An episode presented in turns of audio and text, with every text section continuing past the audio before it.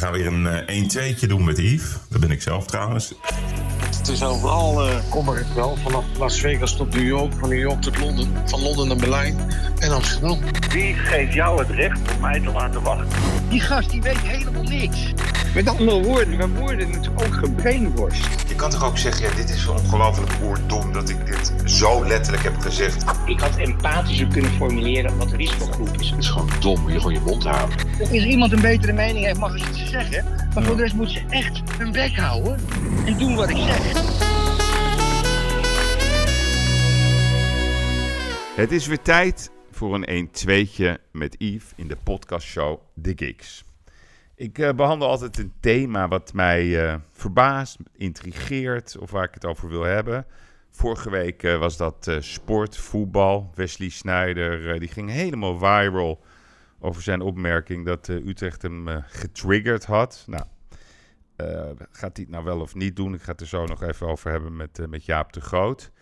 Ja, en vandaag wil ik het toch een beetje hebben over oplossingen. We moeten vooruit, we moeten de mouwen opstromen, we moeten zaken doen. Ik heb een hele drukke show vandaag. Ik ga zo meteen beginnen met uh, Maurice de Hond. Hij heeft uh, de afgelopen maanden zich behoorlijk laten gelden. Beetje ook doodgezwegen werd hij in het begin. Ken natuurlijk wel het fragment op tv dat hij ook de neiging vertoonde om schoenen naar de tv-scherm te gooien. Zijn theorie over dat ventileren nog belangrijker is om, om zeg maar die aerosolen onder uh, controle te krijgen. Daar wil ik het ook met hem over hebben. Maar ik wil ook met hem vooral praten over oplossingen. Hoe kunnen we ervoor zorgen dat we niet terechtkomen in een uh, tweede heftige coronagolf? Dat weer de hele economie op slop gaat. Wat kunnen we nu doen om ervoor te zorgen dat we straks beter om kunnen gaan met die mogelijke bedreiging? Ik ga ook natuurlijk weer op zoek naar de tip van Jip. Ik ga bellen met Erik te vliegen. Nou, ga er maar weer vanuit dat dat vuurwerk wordt. Jaap de Groot. Even weten, hoe zit het nou met, uh, met Max Verstappen? Wat was nou het echte probleem? Weet hij dat misschien? Hoe kijkt hij toch naar uh, Robert Eenhoorn, die, die toch wil door blijven gaan met AZ om ze gelijk te halen bij, uh, bij de FIFA en nu zelfs naar, het, naar de kas wil stappen? Ja, en Mickey Hoogendijk, ze heeft wat rondgereisd. Ze was 50 heel nieuwsgierig hoe het met haar gaat. En of doet ze ook alweer een beetje handel. En we sluiten altijd af met Karsten Klint. Hij heeft mooie tips voor het weekend om ook de zintuigen te laten prikkelen. Dus ja, ik heb er heel veel zin in. En ik ga eerst bellen met, met Maurice de Hond. Maurice de Hond? Ja, Maurice met Yves spreek je. Goedemorgen. Hi. Hallo, hi. Allereerst, hoe gaat het met je? Ja hoor, goed. Ja, gewoon, ik bedoel, je hebt, je hebt zo, zo, ook de privéperiode met je zoon achter de rug en zoveel drukte. Wordt het tijd voor een vakantie voor jou of nog niet? Jawel, ik ga volgende week een week weg. Oké, lekker. Hey Maurice, um, nou, ik heb jou uh, vanaf het begin gevolgd. Uh, ik ken je natuurlijk als onderzoeker. je hebt ook ooit vroeger in, in bedrijven gezeten. En eigenlijk wat, wat ik het meest um, nieuwsgierig naar ben hoe ging die eerste fase eigenlijk van weigering om te luisteren naar jouw stem op de zenders? En als ik dan ook terugkijk um, naar een optreden, dat was volgens mij uh, medio april. Toen zat je met Thijs van Brink. We hebben naast al die mensen op het IC... hebben we ook nog een hele belangrijke patiënt die ook op IC ligt. Dat is de Nederlandse economie en, en de Nederlandse samenleving. Maar die, dat debat wil ik nu niet voeren. Dat kan ook, ja, maar we wilden het nu vooral over jouw ontdekkingen hebben. Nee, maar nog één heel belangrijk. Eén zin dan? Ja. Als we niet snel de samenleving weer hervatten, is de schade zo verschrikkelijk groot dat we het eigenlijk helemaal niet meer hoeven te doen. Okay. Dus mijn punt is: probeer slim dingen te gaan doen. Om proberen ook die samenleving te. terwijl je tegelijkertijd zorgt dat er minder besmetting Ik hoor je zorg. Kan. Toen was je ook een beetje gespannen. Kan je dat herinneren? Ja hoor. Was dat ook zo? Voelde je je ook gespannen? Die, die, ja, nee, dat was niet zozeer gespannen. Ik was boos, want Um, door de analyses die ik had gemaakt, wist ik al een maand daarvoor dat er een slagveld zou gaan plaatsvinden in zorginstellingen. En dat als ze niet de goede maatregelen zouden nemen, er veel te veel mensen onnodig dood zouden gaan. Hmm. Ik heb achter de schermen toen uh, op heel veel plekken, zowel in de richting van media als in de richting van de politiek, die mening verkondigd. Hmm. En dan kreeg je als reactie: ja, we hebben het aan uh, virologen gevraagd. En wat jij zegt, dat uh, is helemaal niet het geval. Het gaat niet door de lucht. En ventilatie. Ach, dat is allemaal niet zo belangrijk. Hmm. En, en ik kwam er gewoon niet tussen. Terwijl ik wist dat er mensen onnodig dood gingen. En dat was mijn grote frustratie. Dat we blijkbaar, dus, ja, de media zo aan de leiband liepen van, eh, ja, van de deskundigen. Alleen als ik die mensen op de tv zag, onze usual suspects, dan virologen, epidemiologen en microbiologen. Veel van wat ze zeiden was, ah, we weten het eigenlijk niet. Maar, en dan kwam er wat. En als ze wel wat zeiden inhoudelijks, als ik dan naar de studies ging zoeken waar dat op gebaseerd was, dan bleek dat veel minder hard te zijn dan zij pretendeerden. Hmm. En, en wanneer, en op een gegeven moment nodig ze je dan wel uit. Nou, dat vond ik zelf een beetje een rare uitzending. Het was echt zo van, nou oké, we, we hebben nu jou uh, aan het woord gelaten. En uh, nou, nu moet je weer in de mand, bij wijze van spreken. Dat was een beetje de teneur. En pas de laatste maand eigenlijk is de stemming aan, uh, compleet aan het omslaan.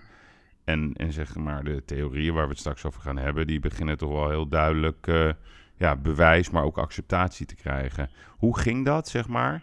Um, hoe gaat dat dan? Ga je dan zelf bellen met de redactie van Op 1? Of mobiliseer je de mensen voor? Bel je zelf met mensen uit de politiek? Hoe ging dat traject? Nou, nee, ik heb een, um, een mailinglist van ook mijn peilingen. Hmm. Van ongeveer 200 mensen in de media en in de politiek. En als ik een blog schreef, wat ik eigenlijk vanaf 20 uh, maart heb gedaan, dan schreef de studie ik ook naar die mensen toe. Want ik hoopte dat ze gewoon naar de inhoud zouden kijken en zouden zeggen: Jeetje, hij schrijft het niet alleen vanuit hij heeft het bedacht. Hmm. Nee, ik, ik stuur op elke blog die ik sta, heb gemaakt, en inmiddels zijn het er meer dan 80, Ja. heb ik ook altijd de referenties naar de studies waar je het zelf kan zien enzovoort. En wat mij ja, verbijsterde was, zowel in de media als ook in de politiek, dat men gewoon niet naar de inhoud keek. En dat ergerde mij ongelooflijk omdat ik juist iemand ben van de feiten en van de inhoud. En ook interessant vind om met mensen in debat te gaan. Hmm. Want er zullen ongetwijfeld mensen op basis van dezelfde feiten tot andere conclusies komen. Ja. Maar ja, wat ze alleen maar deden was me gewoon min of meer afschrijven. Want wie was ik nou wel? Een simpele opiniepeiler. Ja. En niet een grote wetenschapper. Nee, nee, sociaal geograaf die ook nog een marktonderzoekbureautje heeft. Hey, en, en, en wat ik zou ook vertellen, ik belde je van de week. Hè? Ik was op een kennislunch, uh, dat was precies vorige week vrijdag.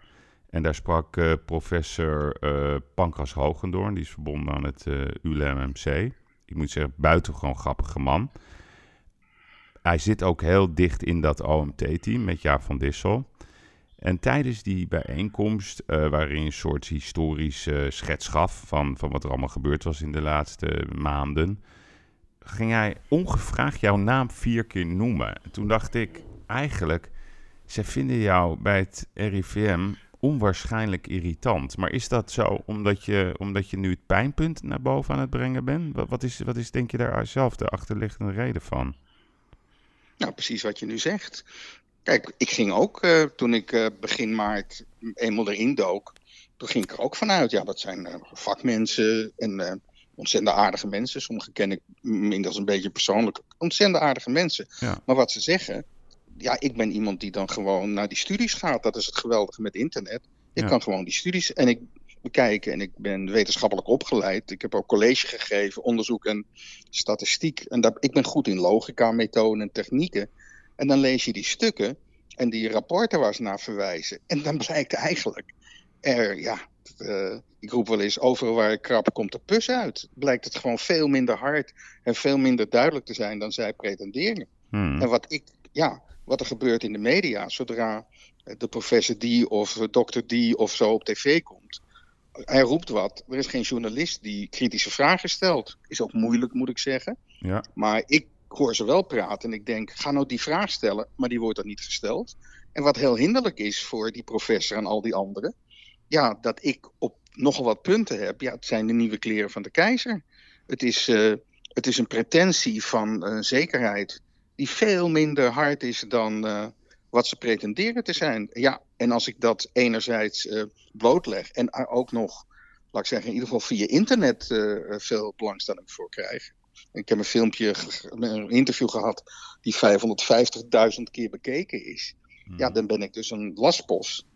En dan kan je natuurlijk het makkelijkste wegzetten door te gaan ridiculiseren van wat kan die er nou van weten. Ja, en dan, gaan ze, op zoek, en dan gaan ze op zoek naar, naar punten uit het verleden. Het ging zelfs zo ver dat er in een column eh, werd geschreven dat je niet goed kon keepen of zo, iets over de grond. Ja, ja, daar begonnen ze mee. ja. Nee, maar goed, ik, ik kreeg van iemand een, een, een interessante statement. Die zei, eerst negeren zie je, daarna ridiculiseren zie je. En daarna zeggen ze dat ze het altijd al geweten hadden. Ja, nee, maar dat is Johan Cruijff. Hè? Die zegt altijd, als je iets wil veranderen, dan gaan ze je neerzetten als een gestoorde. En als uiteindelijk dan blijkt dat het fantastisch is, dan ben je het genie. Dus misschien... Nee, nee, dat laatste niet. Dat laatste gebeurt niet. Nou, Wat als het goed Nee, het uitpakt, laatste hè? als je het gelijk hebt, dan ben je straks Nee maar, het genie. nee, maar het andere is, en dat pro- proces zie je ook al. Je moet naar Maarten Keulemans in de Volkskrant kijken. Die Ja. zegt dan altijd, ach, dat wisten we al lang. En de, Ja, op enzovoort. zo'n manier. Dat is de lijn. Ja, oké. Maar toch even terug naar, naar, naar, gewoon naar de feiten. Hè? Dus kijk, ik, ik heb zelf me er een beetje over verbaasd over. De, op een gegeven moment kwam die brief van het RVM eh, aan, aan de regering. Die werd, werd ook verspreid via internet. En die ben ik toen maar eens voor mijn gemak gaan lezen. Dus aan de ene kant heb je de WHO. Nou, ik kan mezelf dat beeld goed herinneren dat die baas van de WHO, die zit naast die president van China als een soort ja, hondje om te vertellen dat China het zo fantastisch doet.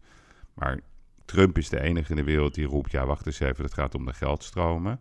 Het RIVM in Nederland, die neemt best wel klakkeloos de suggesties van het eh WHO over. Die vertaalt dat weer in een advies aan de regering. En je kan zeker zeggen dat in de eerste paar maanden de regering alles opvolgde wat het RIVM zei. Nou, of dat nou goed of slecht is, dat is een hele, hele complexe discussie.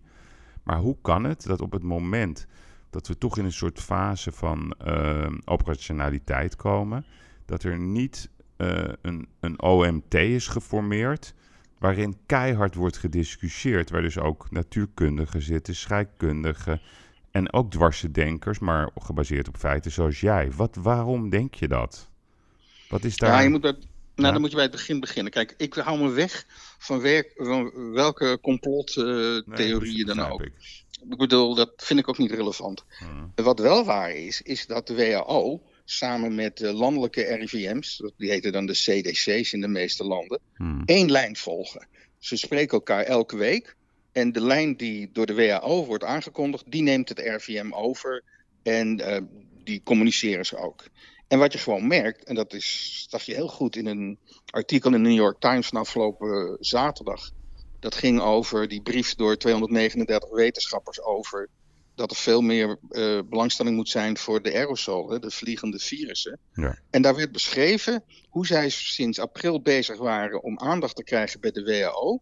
En werd ook beschreven hoe ze daar werden behandeld. En dat ook mensen van achter de schermen vertellen. Ja, ze, ze, ze zullen, eh, ze gaan liever dood dan dat ze gaan bekennen dat ze ver- verkeerd zitten. Dus wat je dan ziet is dat er een soort hele conservatieve groep is bij de WHO. Die samen eigenlijk met de landelijke RVM's een soort lijn bepalen. En die lijn wordt wereldwijd eh, eh, verkondigd.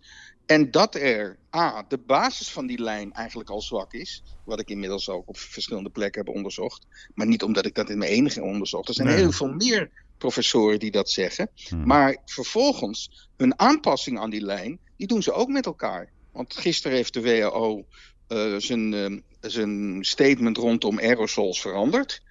En eh, omdat er nu druk was. En nu zeiden ze ja, ehm, eigenlijk zeggen ze er zijn wat aanwijzingen dat.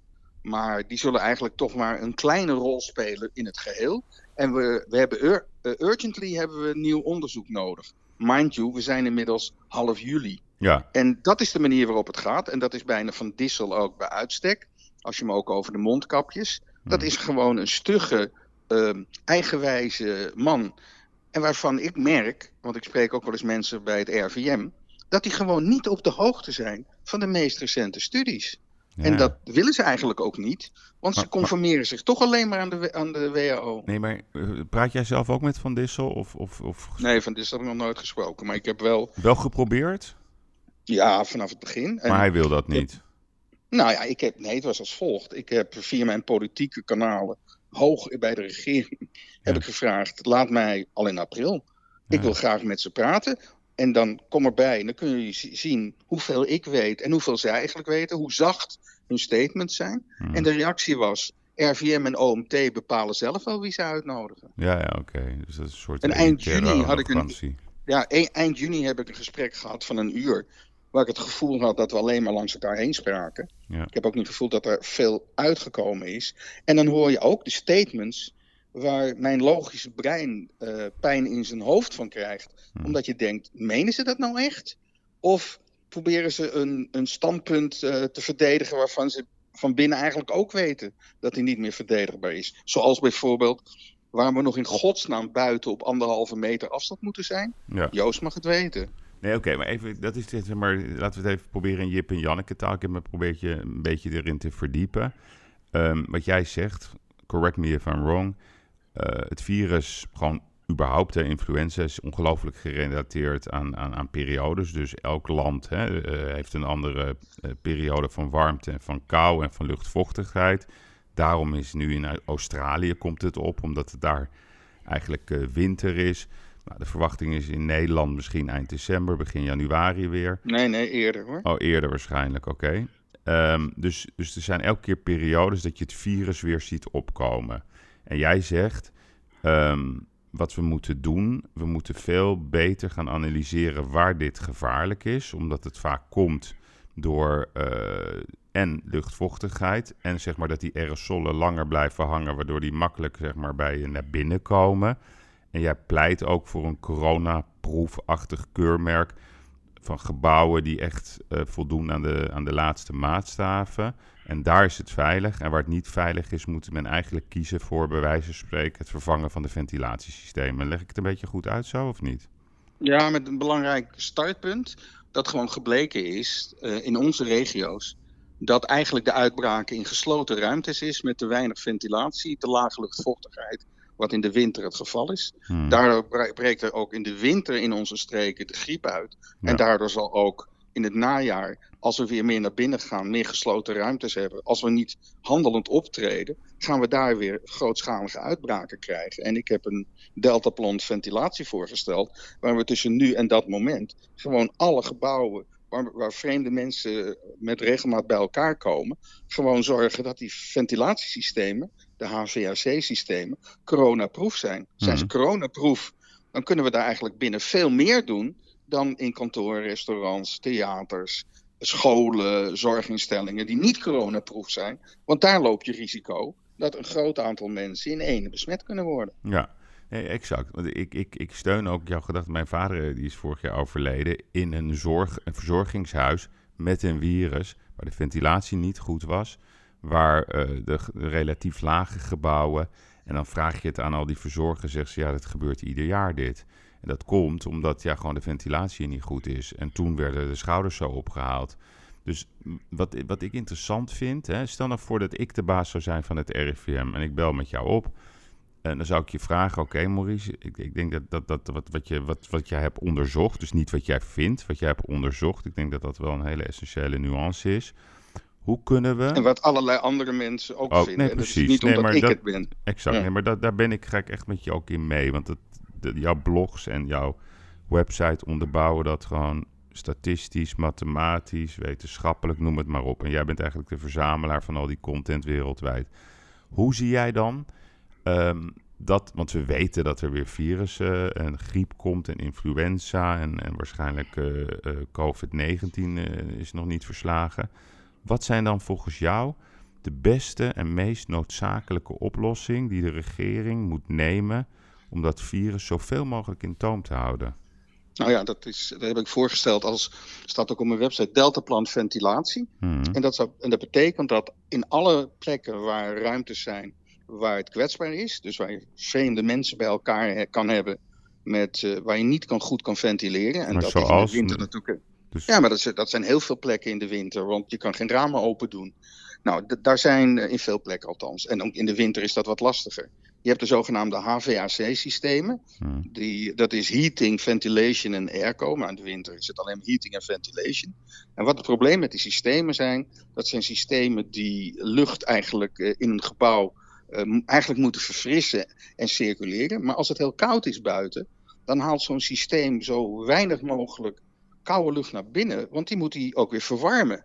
Want hij moet uiteindelijk de temperatuur op een bepaalde hoogte houden. Nou, wat is nou het gevaar? De, en waarschijnlijk ook bij influenza. als er iemand die besmet is en praat of wat dan ook, dan komt er virus in de lucht. Het is niet zo dat als je er eentje van inademt, dat je er meteen ziek wordt. Maar als je er voldoende van inademt, kan je ziek worden. Die, dat wat in de lucht blijft, wordt als het ware ook via zo'n ventilatiesysteem verdeeld over alle ruimtes. Dus ook in de zorginstelling kan dat gebeuren. Als die, die ventilatiesystemen zodanig worden ingesteld dat ze veel verse lucht naar binnen halen. En er zijn ook uh, mogelijkheden om het virus uit de lucht te halen door uh, filters. Zoals bijvoorbeeld, ook... uh, als goed voorbeeld dan vliegtuigen, waar eigenlijk... Ja, de HEPA-filter. Ja, de HEPA-filter, ja. Daar is, maar het, daar is het zijn... gevaar vrij minimaal, toch? Dat je besmet ja. wordt.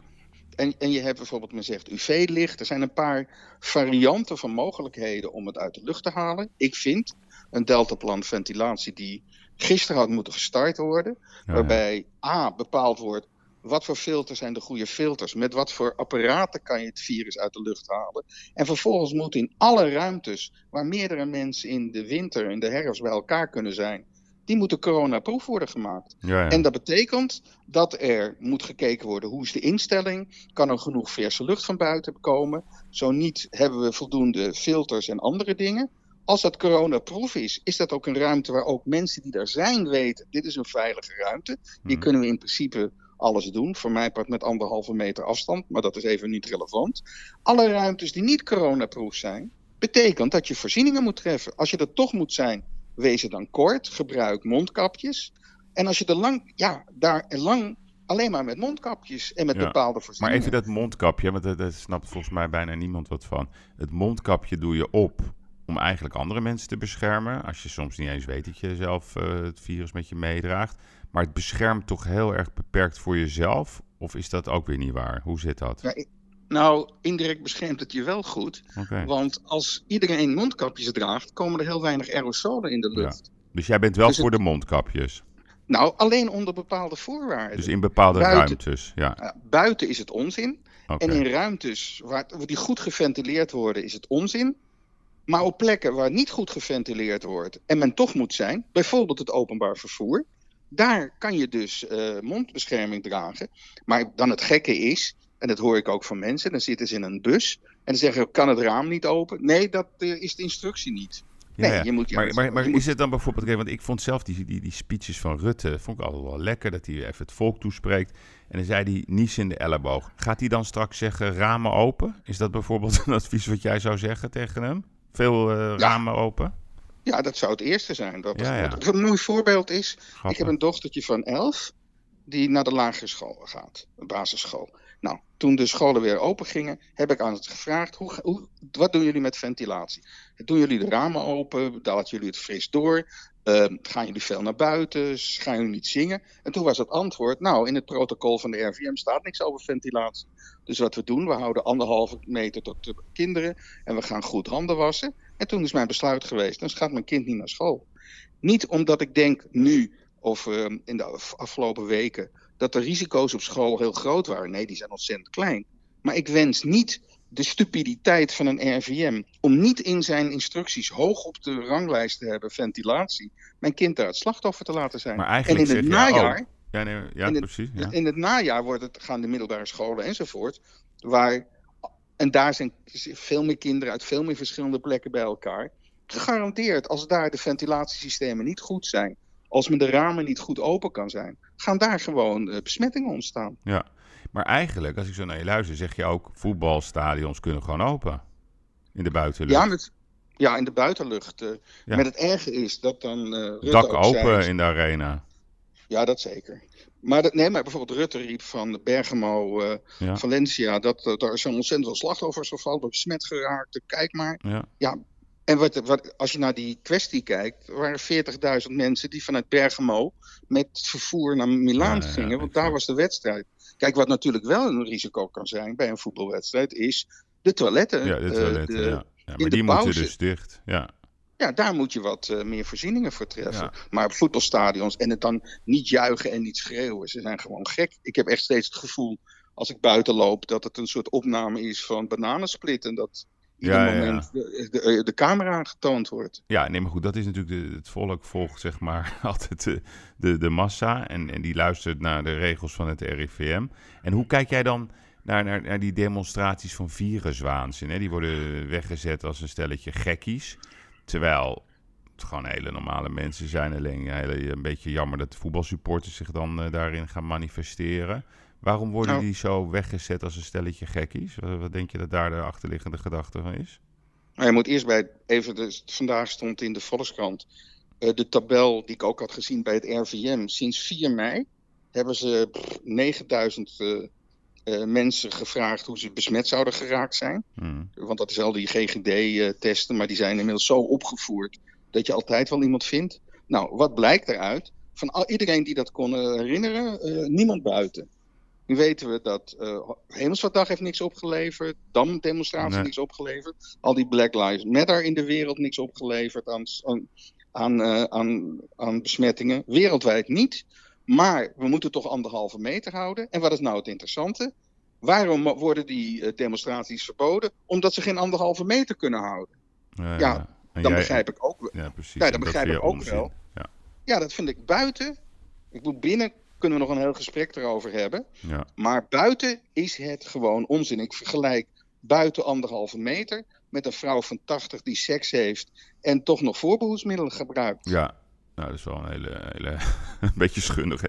Maar Maurice, die binnen vind ik wel interessant. Want kijk, laten we even van uitgaan dat we toch een tot, tot half oktober is het weer in Nederland ja, over het algemeen redelijk aangenaam. En dan komt toch wel een beetje de, binnen, de binnenmarkt. Dus hoe, hoe kunnen, wat kunnen we doen op de korte termijn om ehm, zeg maar toch die, die, die moeilijke periode door te gaan. Ervan uitgaan dat er een medicijn komt en straks komt er een vaccin. Maar we moeten wel, je moet niet denken aan een tweede lockdown. Dat, dat, dat, is, een, dat is een, een, zeg maar een dodelijke voltreffer voor de Nederlandse economie. Niet alleen voor Nederland. Nee, maar goed. Ja, wij kunnen de Nee, wereld maar goed. niet veranderen. Dus. Ja, maar daar, daar zit het cruciale in. Maar hoe moet je dat dan binnen, doen? nee, maar Wat- wacht even. Binnen word je niet besmet als er een goede ventilatie is. Exact. Als er, dus als we, de- als we dat deltaplan ventilatie doen, Ja. en daarvan zei ik, ja, we zijn ook eh, alle huizen van het gas. Ga nou de komende vier, vijf maanden eh 100 miljoen, 200 miljoen besteden als overheid. Ja. Om iedereen uit de installatiebranche bezig te laten zijn om die gebouwen eh ehm, coronaproof te maken. Als dat gebeurt, is het aantal besmettingen veel kleiner. Want er is ook een interessante. Dat zijn een Hongkongse eh, professor. Twee hebben daar ook in New York Times een groot artikel over geplaatst. Met onderzoek uit verschillende landen. Daar blijkt 10% van de besmette mensen besmet 80%. 20% 20 en 70% besmet niemand. De kans dat jij iemand anders besmet is niet zo groot. Behalve bij superspread events. Ja, ja, en de Dus superspread events, is- dat is dan, hè, om het nog één keer duidelijk te maken, dat, kan, dat was bijvoorbeeld dat, dat, eh, die bar in Iskol, hè, in, in, in Oostenrijk. Dat waren de barretjes Carnaval, in carnaval. kerken, en, dan de, en de superspreader is dan die. Ja, begraaf- precies. Ja, begrafenissen. ja, kerken, noem het allemaal op. Oké, maar dat, dat, dat begrijp ik. En, en, en dat ja, maar als die, maar wacht even. eh, als wij die zorgen dat die niet meer zijn, dan dooft het virus uit. Want de resterende besmettingen gaan laag. Maar Ja. 20% van huisgenoten worden besmet. ja, En dus kan het virus zich niet verder verspreiden, omdat het aantal steeds meer afneemt. En dan gaf jij, vond ik ook een keer een goed voorbeeld, Brazilië. Eh, dan zegt ze, ja nee, maar dat, die, die the- theorie van de hond die klopt niet, want het is daar wel goed weer. En toen zei je nee, want de mensen gaan naar binnen en die gaan met z'n allen dan hutje-mutje zitten. Zonder ventilatie, zonder open ramen. En daar ontstaan dan zeg maar weer, dat is dan de superspreader. Ja, maar even, je mist daar één schakel voor Ja, Brazilië. ja, graag. Brazilië heeft in het voorjaar zijn griepperiode. Ja, ja, oké. Exact. En waarom heeft hij dan de griepperiode? Omdat dat de regenperiode is. Zoals in India van- met die moessons. Ja, maar die gaat nu komen. Ja, Die, dus die regenperiode trekt van het noorden naar het zuiden. Ja. Normaal hebben die mensen altijd natuurlijke ventilatie, want ze hebben de ramen open, de deuren open enzovoort. Maar alleen als het regent, dat is het moment dat hun ventilatie afgesloten is. Want ze hebben als het ware een regengordijn rond hun huis, zitten dan binnen hutje-mutje. En dat is het moment dat het virus toeslaat. Daarom gaat het nu ook in India. Dus dat gebeuren gaat op zekerheid gebeuren in India, zeg jij ook nu. Dus Ja, dat- India, ja. gezekerheid. Ja. Het volgende grote land waar het uitbarst is India. Met één, tussen aanhalingstekens, voordeel voor India. Het heeft een behoorlijk jonge bevolking. Ja, en de echte overlijdensgevallen zitten boven de 70. Dus je zal wel heel veel besmettingen zien, maar het aantal doden zal relatief meevallen, omdat onder, bijvoorbeeld in Nederland ook, onder de 70 jaar, Ja. eh, minder dan 10% van de overlijdensgevallen waren jonger dan 70. Ja, nee, oké. dus even, want ik vind die oplossing wel interessant. Hè? Dus aan de ene kant zeg jij eh deltaplan ventilatie. Even, even, om even een, een soort misverstand uit de wereld te helpen. Jij bent niet de ambassadeur van de ventilatie-industrie. Nee, absoluut niet. Nee, precies. Ik Want heb ook is- geen financiële belangen. Nee, en, en, en, en- en de rol van Klaas Hummel. Wa- Wat was nou precies de reden waarom hij zei: ja, ik wil dat financieren, die Smart Exit punt nu? Wat, wat is Nee, zijn- het was, nee, de volgorde was. Hij had eerst een column, had een column gegeven, geschreven in eh een Quote, quote? wat heel Ja. veel mensen hadden gezien. Ja. Toen was hij op tv geweest. Ja, En toen heb ik contact met hem gezocht. Zeg ik, nou ja, ik heb een soort wetenschappelijke onderbouwing voor jouw standpunt. En toen hebben we de website Smart Exit nu gemaakt Ja. voor mensen, omdat ze daar konden lezen van daar die onderbouwing. Dat Ja. was eigenlijk. En eh, jij, want ik, ik heb dit bekeken, die website is echt heel leuk. Want het is echt in Jip en Janneke taal leggen jullie hele grote vraagstukken uit. En dat blijven jullie gewoon doen tot het eind van het jaar. nou, die website blijft wel staan, maar ik, de, mijn, mijn persoonlijke website van Maurice.nl, Ja, ja, daar. Ik, krijg, ik, had, eh, een, ik heb bijvoorbeeld een blog geschreven over. Maar- zo word je besmet via aerosols. ja nee, ik heb zo, eh, Maar, maar het, het Hummel-project, eindigt dat 50.000 dan? mensen hebben het al gelezen. Maar is dat geëindigd dan nu, nu zeg maar, eh, fase Hummel? En is het nu dan... Nee, die website blijft wel, maar de, de, de content doen we via maurice.nl. Oké, duidelijk. Oké, dus aan de ene kant zeg jij... Maar, maar het is best, een, best wel even een ingewikkeld verhaal. Want eh, ze zijn allemaal met reces, het kabinet. Dat kan toch niet? Nou, volgens mij blijven er ook allerlei mensen Ambtenaren zitten. maar- blijven achter. Dus jij zegt zo snel mogelijk deltaplan. Ja, maar ik, kan- ik, ik merk één belangrijk ding. Ik krijg, ik krijg ook 400 mails per dag. Ja, Ik hoor, ik hoor steeds meer mensen zeggen dat ze een eigen initiatief pakken. Dat er ja, scholen en, en be- bedrijven maar gewoon, en, en werknemers gewoon van hun werkgever eisen dat het gebeurt. Dus Ja, als ja. het niet top-down gebeurt, gebeurt het van onderen. Alleen het is bloedzonde dat een overheid samen zou door de, mooier koppig- zijn. ja, Ja. door de koppigheid van WHO en RVM weer achter de feiten aanlopen. Maar even samen. Dus we gaan naar, die, naar dat deltaplan ventilatie. Er moet een coronaproof keurmerk komen. Dat mensen begrijpen, oké, daar is het veilig. Er moet volgens mij, als ik goed naar je luister... een soort nieuw OMT komen... die vooral operationeel is... en wat een brede variëteit aan deskundigheid met zich meebrengt. Snap je? Dus die oplossingsgericht is op basis... want we hebben nu heel veel informatie. Ja, maar, ja, zeker. Maar er zit één belangrijk component Ja. wat bij het hele afwegen voortdurend niet meegenomen wordt. En zeker niet door die virologen en epidemiologen en eigenlijk ook niet door de politici. In Nederland gaan er per jaar 650 mensen dood in het verkeer. Hmm. Als wij op de snelwegen 30 km per uur gaan rijden, wordt dat 250 mensen. Sparen we 400 doden per jaar. Waarom gaan we niet 30 km per uur rijden op de snelwegen? Dat doen we omdat de nadelen veel groter zijn dan de voordelen. En dat is nou precies wat er momenteel gebeurt met, met, deze, met Ja. dit virus. De risico's voor de meeste mensen zijn klein tot zeer klein. Onder de 50 om daar dood aan te gaan is de kans bijna nul. Maar dus ook triage, zeg je, op leeftijdsniveau. Ik, nee, wat er eigenlijk zou moeten... Dus wat ze wel en niet zelf- mogen. Dus ouderen, of Ja, jij zegt de verantwoordelijkheid bij de moeten- mensen. Ja, ja. Iedereen zou zelf moeten beseffen wat zijn risico's zijn. Zou zelf, en dat zou dus netjes moeten worden gegeven en niet via bangmakerij. Nou, Ja. dan kan je zelf bepalen of je als 80-jarige wel je kleinkinderen knuffelt of niet. Nou, ik denk dat je het zo kan doen. Zeker als je het buiten doet. En ik denk dat we in alle gevallen onze eigen verantwoordelijkheid moeten pakken. Nee, daar ben ik mee eens. Maar wat natuurlijk wel interessant is, kijk, als Rutte weer straks eh, speeches gaat geven, is vrij essentieel, omdat hij zegt dat ja, ik, ik volg de richtlijnen van de deskundigen, en dat heeft hij ook gedaan namens het hele kabinet. Dus er moet volgens mij wel een soort nieuw OMT komen die die, die, die, die adviezen gaat opschrijven. En dan mogen zij dan zelf de conclusies trekken. Alleen dat moet wel ook oplossingsgericht zijn en niet blind opvolgen van ja, er is maar één route. Hè? De man van de hamer die altijd op zoek is naar de spijker. En dat is wel wat het RIVM deed. Hoe je het of verkeerd, al die, al, die, al die adviezen zullen gaan uitkomen, die schriftelijke stukken. En het kabinet heeft klakkeloos gedaan wat het RIVM heeft gezegd. Nou, gedeeltelijk goede dingen. Maar nu draait het om de oplossing. Want dan zie je ook dat die economie weer gewoon normaliseert. En dat is volgens Nee, mij... dat, dat, ja, maar dat laatste, dat is het grote probleem. Het grote probleem is niet alleen dat ze het klakkeloos hebben opgevolgd. Ze hebben ook gezorgd dat er ontzettend met elkaar, dat er ontzettende angst heerst. Ik heb bij mensen vastgesteld via onderzoek onder de 45 jaar. Dat heb ik gevraagd, hoe groot denk je dat de kans is dat je doodgaat als je besmet wordt?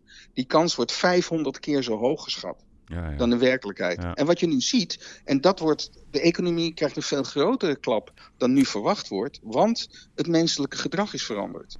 Ook als je morgen alle restaurants open doet en zegt, nou, er is geen enkel risico. De helft van de mensen die normaal wel naar een restaurant gaat, gaat niet meer, want die durft niet meer. Er zitten mensen, ik krijg, er zitten mensen bibberend thuis die ook niks meer durven aan te raken. Terwijl voorwerpen word je niet besmet door. Die lopen Ja. met handschoentjes buiten. dus dat is de enzovoort. propaganda die toch wel een beetje Ja, maar die blijft, die blijft. En die blijft, waardoor het menselijk gedrag behoorlijk veranderd is. Maar en wa- wat dus maar cruciaal, nee, ben- wat, even, Ja? wat cruciaal is, dat we niet alleen een soort OMT enzovoorts krijgen, maar dat er een onafhankelijke Nee, instantie is die goed communiceert welke risico's je nou wel loopt en welke risico's je nou niet loopt. Ja, nee, dat begrijp ik. Maar als jij nou, want ik ben ook op zoek naar het motief, hè. Is het motief dan geld? Is het zo dat die, die hele industrie van de medicijnen, eh, dat is natuurlijk een honderden miljarden industrie. Is dat net zo, ik, moet, ik heb ook altijd nooit verwacht dat ik genaaid zou worden door Egon. Hè? Dus met al die polissen. Nou, dat bleek ook gewoon één grote naaierij te zijn. De lobby's van de sigarettenindustrie, wat nog veel schadelijker is dan welk coronavirus dan ook. Is er dan ook een supersterke medicijnenlobby? Nou, ik wil niet in complotten denken, maar je gaat nee, maar, bijna... nee, maar, nee, maar, nee, maar je zal je de vraag moeten stellen. Als men het ten aanzien van COVID-19 behoorlijk mis heeft ten aanzien van de verspreiding, dat het veel meer door de lucht gaat, dan is de kans dus heel groot dat het bij griep ook zo is. En Ja. dat ze dus eigenlijk met dat, in dat hele vakgebied 30, 40 jaar lang de verkeerde kant op hebben gekeken. Ja, En dus ook daar niet, niet de goede maatregelen steeds genomen. Maar wat veel belangrijker is, als ik gewoon naar de Nederlandse situatie kijk. Oké, je krijgt dus adviezen van het RVM en het OMT. En Rutte en de Jonge nemen dat klakkeloos over. Stel dat Rutte en de Jonge wel ehm, eh, naar, naar wetenschappelijke stukken hadden gekeken. En bijvoorbeeld naar mijn stukken. En eigenlijk dachten, weet je, ik, ik kan eigenlijk veel meer vrijheid doen. Weet je, dan kondigt hij aan. Eh, bijvoorbeeld, dat had hij al half april kunnen doen dat een deel van de versoepelingen die we pas nu hebben, hadden we in april ook al kunnen doen. Als hij dat gedaan had en had op tv, hadden de virologen geroepen: Nou, je neemt wel risico's, risico hoor. Ja. En vervolgens waren er drie extra mensen dood gegaan. Had iedereen geroepen: Dat komt door jou, Rutte. ja oké. Dus dus als je aan de virologen vraagt, Ja. die zeggen: Ja, wij, wij doen alleen het medische. Ja. De politiek moet het zelf bepalen. Maar ongewild hebben ze dus, als het ware, de, de, de politici in de tang. Omdat als ze maar in het nieuws gaan zeggen: jongens, dat is toch extra gevaar enzovoort. Dat, dat risico wil Rutte en de jongen niet lo- Nee, lopen. maar dat is gewoon en het kijk waar die risico, de risicomijdend gedrag. Ja, dat, Ja, maar eh, kijk waar die staat met de peilingen. Maar dat komt. waar staat hij de dan meeste volgens mensen- jou? Bovenaan? Nou, hij staat er, ja, 35. Ja. eh, hij, hij, heeft nog, hij is nog nooit zo populair geweest. maar de mensen vinden Alleen- dat dus leuk. Prettig, maar- nee. veilig. Op het moment, nee, maar het is anders. Op het moment dat je zo angstig bent, kijk je naar Rutte als de grote veilige redder. Ja. Wat gewoon mensen nog niet doorhebben en pas in het najaar goed door gaat komen. Wat voor grote nadelen er economisch, sociaal eh, zijn ontstaan. Ja. En die worden door, door die mensen nu nog niet mee in beschouwing genomen. Nee, dat klopt. Maar de consequenties zijn dus kolossaal. Alleen die zien de meeste mensen nog niet. Nee, dat weet ik. Want dat was bijvoorbeeld dat was die jongen van één vandaag. Die zat toen bij op, eh, op één of bij Bode, weet ik niet meer. En die staat naast Hans de Boer. En die zegt: Nou, alle lijnen zijn groen. En daarmee wou hij zeggen: iedereen is tevreden over de beslissing in de horeca. Maar wat hij er niet bij vroeg: wat gebeurt er als u uw baan kwijtraakt? En dat is volgens mij de essentie dat, ja, dat alle maatregelen zijn genomen in eerste instantie voor werkend Nederland. Nou, nu komt de ontslaggolf en dan pas gaan ze de pijn voelen. Dus is dat de Ja. reden van tevredenheid? Ik voel het nog niet in mijn portemonnee. Ik voel het nog niet Nee, in mijn men- vrijheid. mensen zijn, nee, maar mensen zijn door Bergamo, eh, ja, en begrijpelijk, een soort eh, doodsangst gekregen. Ja. Dat is vervolgens eh, versterkt doordat je steeds die virologen op de tv zegt, die eigenlijk het gevaar was overal. Dus mensen waren eigenlijk, eh, ja, er is een soort massahysterie ontstaan. En vervolgens is dat min of meer onderhouden, doordat ook Rutte en de jongen steeds dat stipuleren, dat er nog steeds een dreiging is. We kregen de, de mantra's van de tweede golf. Het ene mantra na de andere kwamen er overheen. En dat, eh, En dat betekent, ja, als jij denkt dat er een dreiging is en je hebt een leider die het gevoel geeft dat hij wel weet hoe hij dat moet bestrijden. En ondertussen neemt het aantal uh, uh, besmettingen in Nederland af door mede het weer en ook door massabijeenkomsten die afgelast zijn Mhm. enzovoort. Dan, dan leg je je lot in zijn handen. Ja. Alleen wat velen niet onderkennen is ja, dat het grootste slachtoffer pas binnenkort naar buiten komt, namelijk de economie. Ik heb wel eens gezegd, nou één tweede golf komt zeker, namelijk de tweede golf van faillissement en de tweede golf van ontslagen. Nee, precies. En dan krijgen we de kredietcrisis en dan krijgen we de politieke crisis en ga zo maar door. Maar even tussendoor. Want kijk, ik, ik zelf, nou, ik vind de rust die, die, die het kabinet uitstraalt prettig. Wa- Wat vind jij dan, omdat jij ook eh, gewoon de hele wereld onderzoekt, wat vind jij dan zeg maar, een voorbeeld van een leider ergens in de wereld? Dat je zegt, nou, met alles wat we weten en wat we doen, die, die, die doet het relatief gezien eigenlijk heel erg goed. Wat, wie vind jij dan de uitblinker in de wereld? Nou, er zijn een pa- paar eh, landen. Kijk, de meeste die hebben hetzelfde als in Nederland. Die zijn volledig afhankelijk van hun landelijke RVM, RVM slash WHO. Ja. Dus die, die, die doen dat dan eh, blindelings. Nou, er zijn een paar landen waar je nog het gevoel hebt, daar heb ik respect voor. Zweden die een eigen lijn heeft gevoerd. En die inmiddels ook het aantal IC's en eh, doden staat ook bijna op nul. Ja. Dus Zweden wat langzamer. Maar de, scha- de schade voor de samenleving is dan minder geweest. De Tsjechische Republic, eh, Tsjechië, heeft het heel goed gedaan vanaf het begin. Al op 18 maart. Vergelijkbaar klimaat met Nederland, Tsjechië. Ja, maar nou nee, wat hij gedaan heeft is, hij heeft eh, al de vluchten uit China verboden in Ja, ja. februari. Dat is belangrijk, Eh, hè? Hij heeft ehm, eh, mondkapjes verplicht gesteld half maart. Toen Van Dissel nog riep, dat is dat geeft maar schijnzekerheid. Dus ik vond Tsje- Tsjechië heel goed. En wat ik dan ook een interessante vind, Noorwegen. Noorwegen heeft, wat veel andere landen ook gedaan, die zijn een lockdown ingegaan terwijl het aantal besmettingen bijna nog nul was. En zoals India ook. Dat is echt veel meer schade opgeleverd dan wat het bespaard heeft. En Noorwegen heeft recentelijk gewoon gezegd: jongens, we raakten in paniek. We zijn veel te snel dit gaan doen. Dat was onverstandig. Ja, ja, Dan neem je ook je bevolking. Ja, nee, precies. Dus ook, en dat ook- ook gebeurt. en dat doen we continue zelfreflectie. En wat voor cijfer krijgt van jou eh, de Nederlandse regering tot nu toe voor het gevoerde beleid?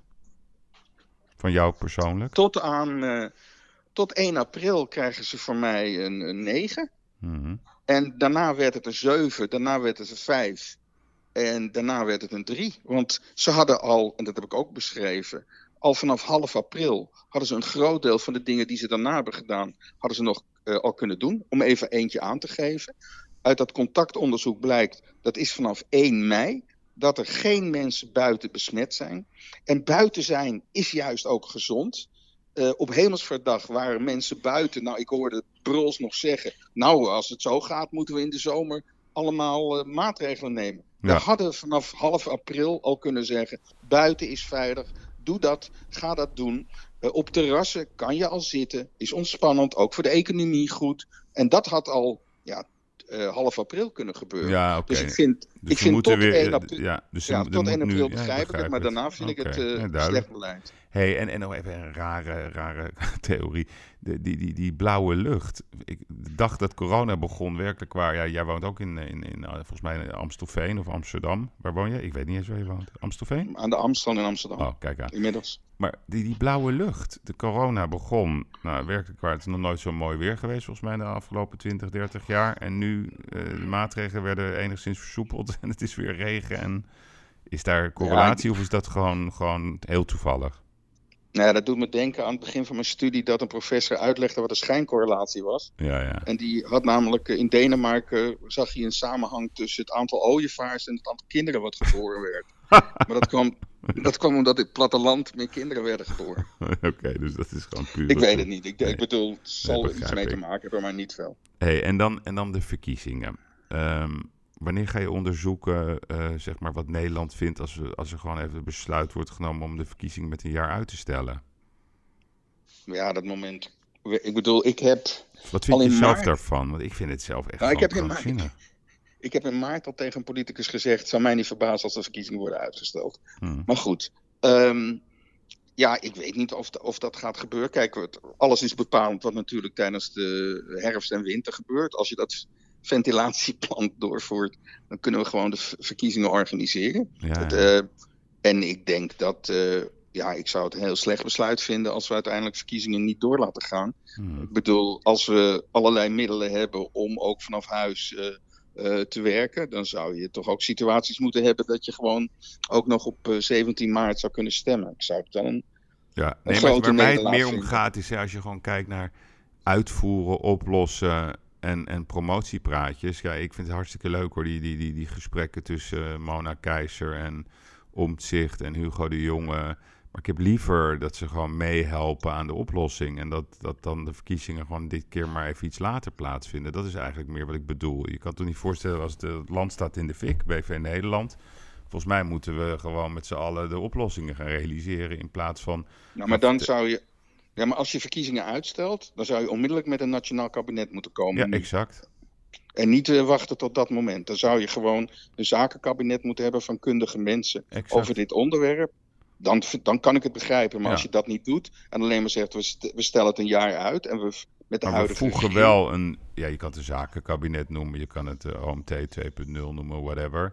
Nou, whatever. Maar dan, dan ik bedoel, dan zou ik, Ik zou graag eh, willen dat je dat eens een keer vraagt. eh, wat vindt Nederland? Dus ja, ik ben Ja, wel... maar dat wij. Ja, maar dan. Ah, ja, dat kan ik ook wel vragen. Maar Ja. nou, mensen denken daar niet erg ver over Nee. door. Nee. Maar ik denk dat, dat, dat de hele peilingen-situatie, de, de scores van de partijen, ontzettend eh, gaat schuiven in het najaar. Als de consequenties van de economie duidelijker zijn. En de, en de overheid keuzes moet maken die, eh, Ja. die wel pijn gaan doen economisch. Terwijl ondertussen, omdat ik bang ben dat het ventilatieplan ook niet eh, slagvaardig wordt uitgevoerd, Hmm. we gewoon vanaf oktober, november weer een toename hebben van gevallen.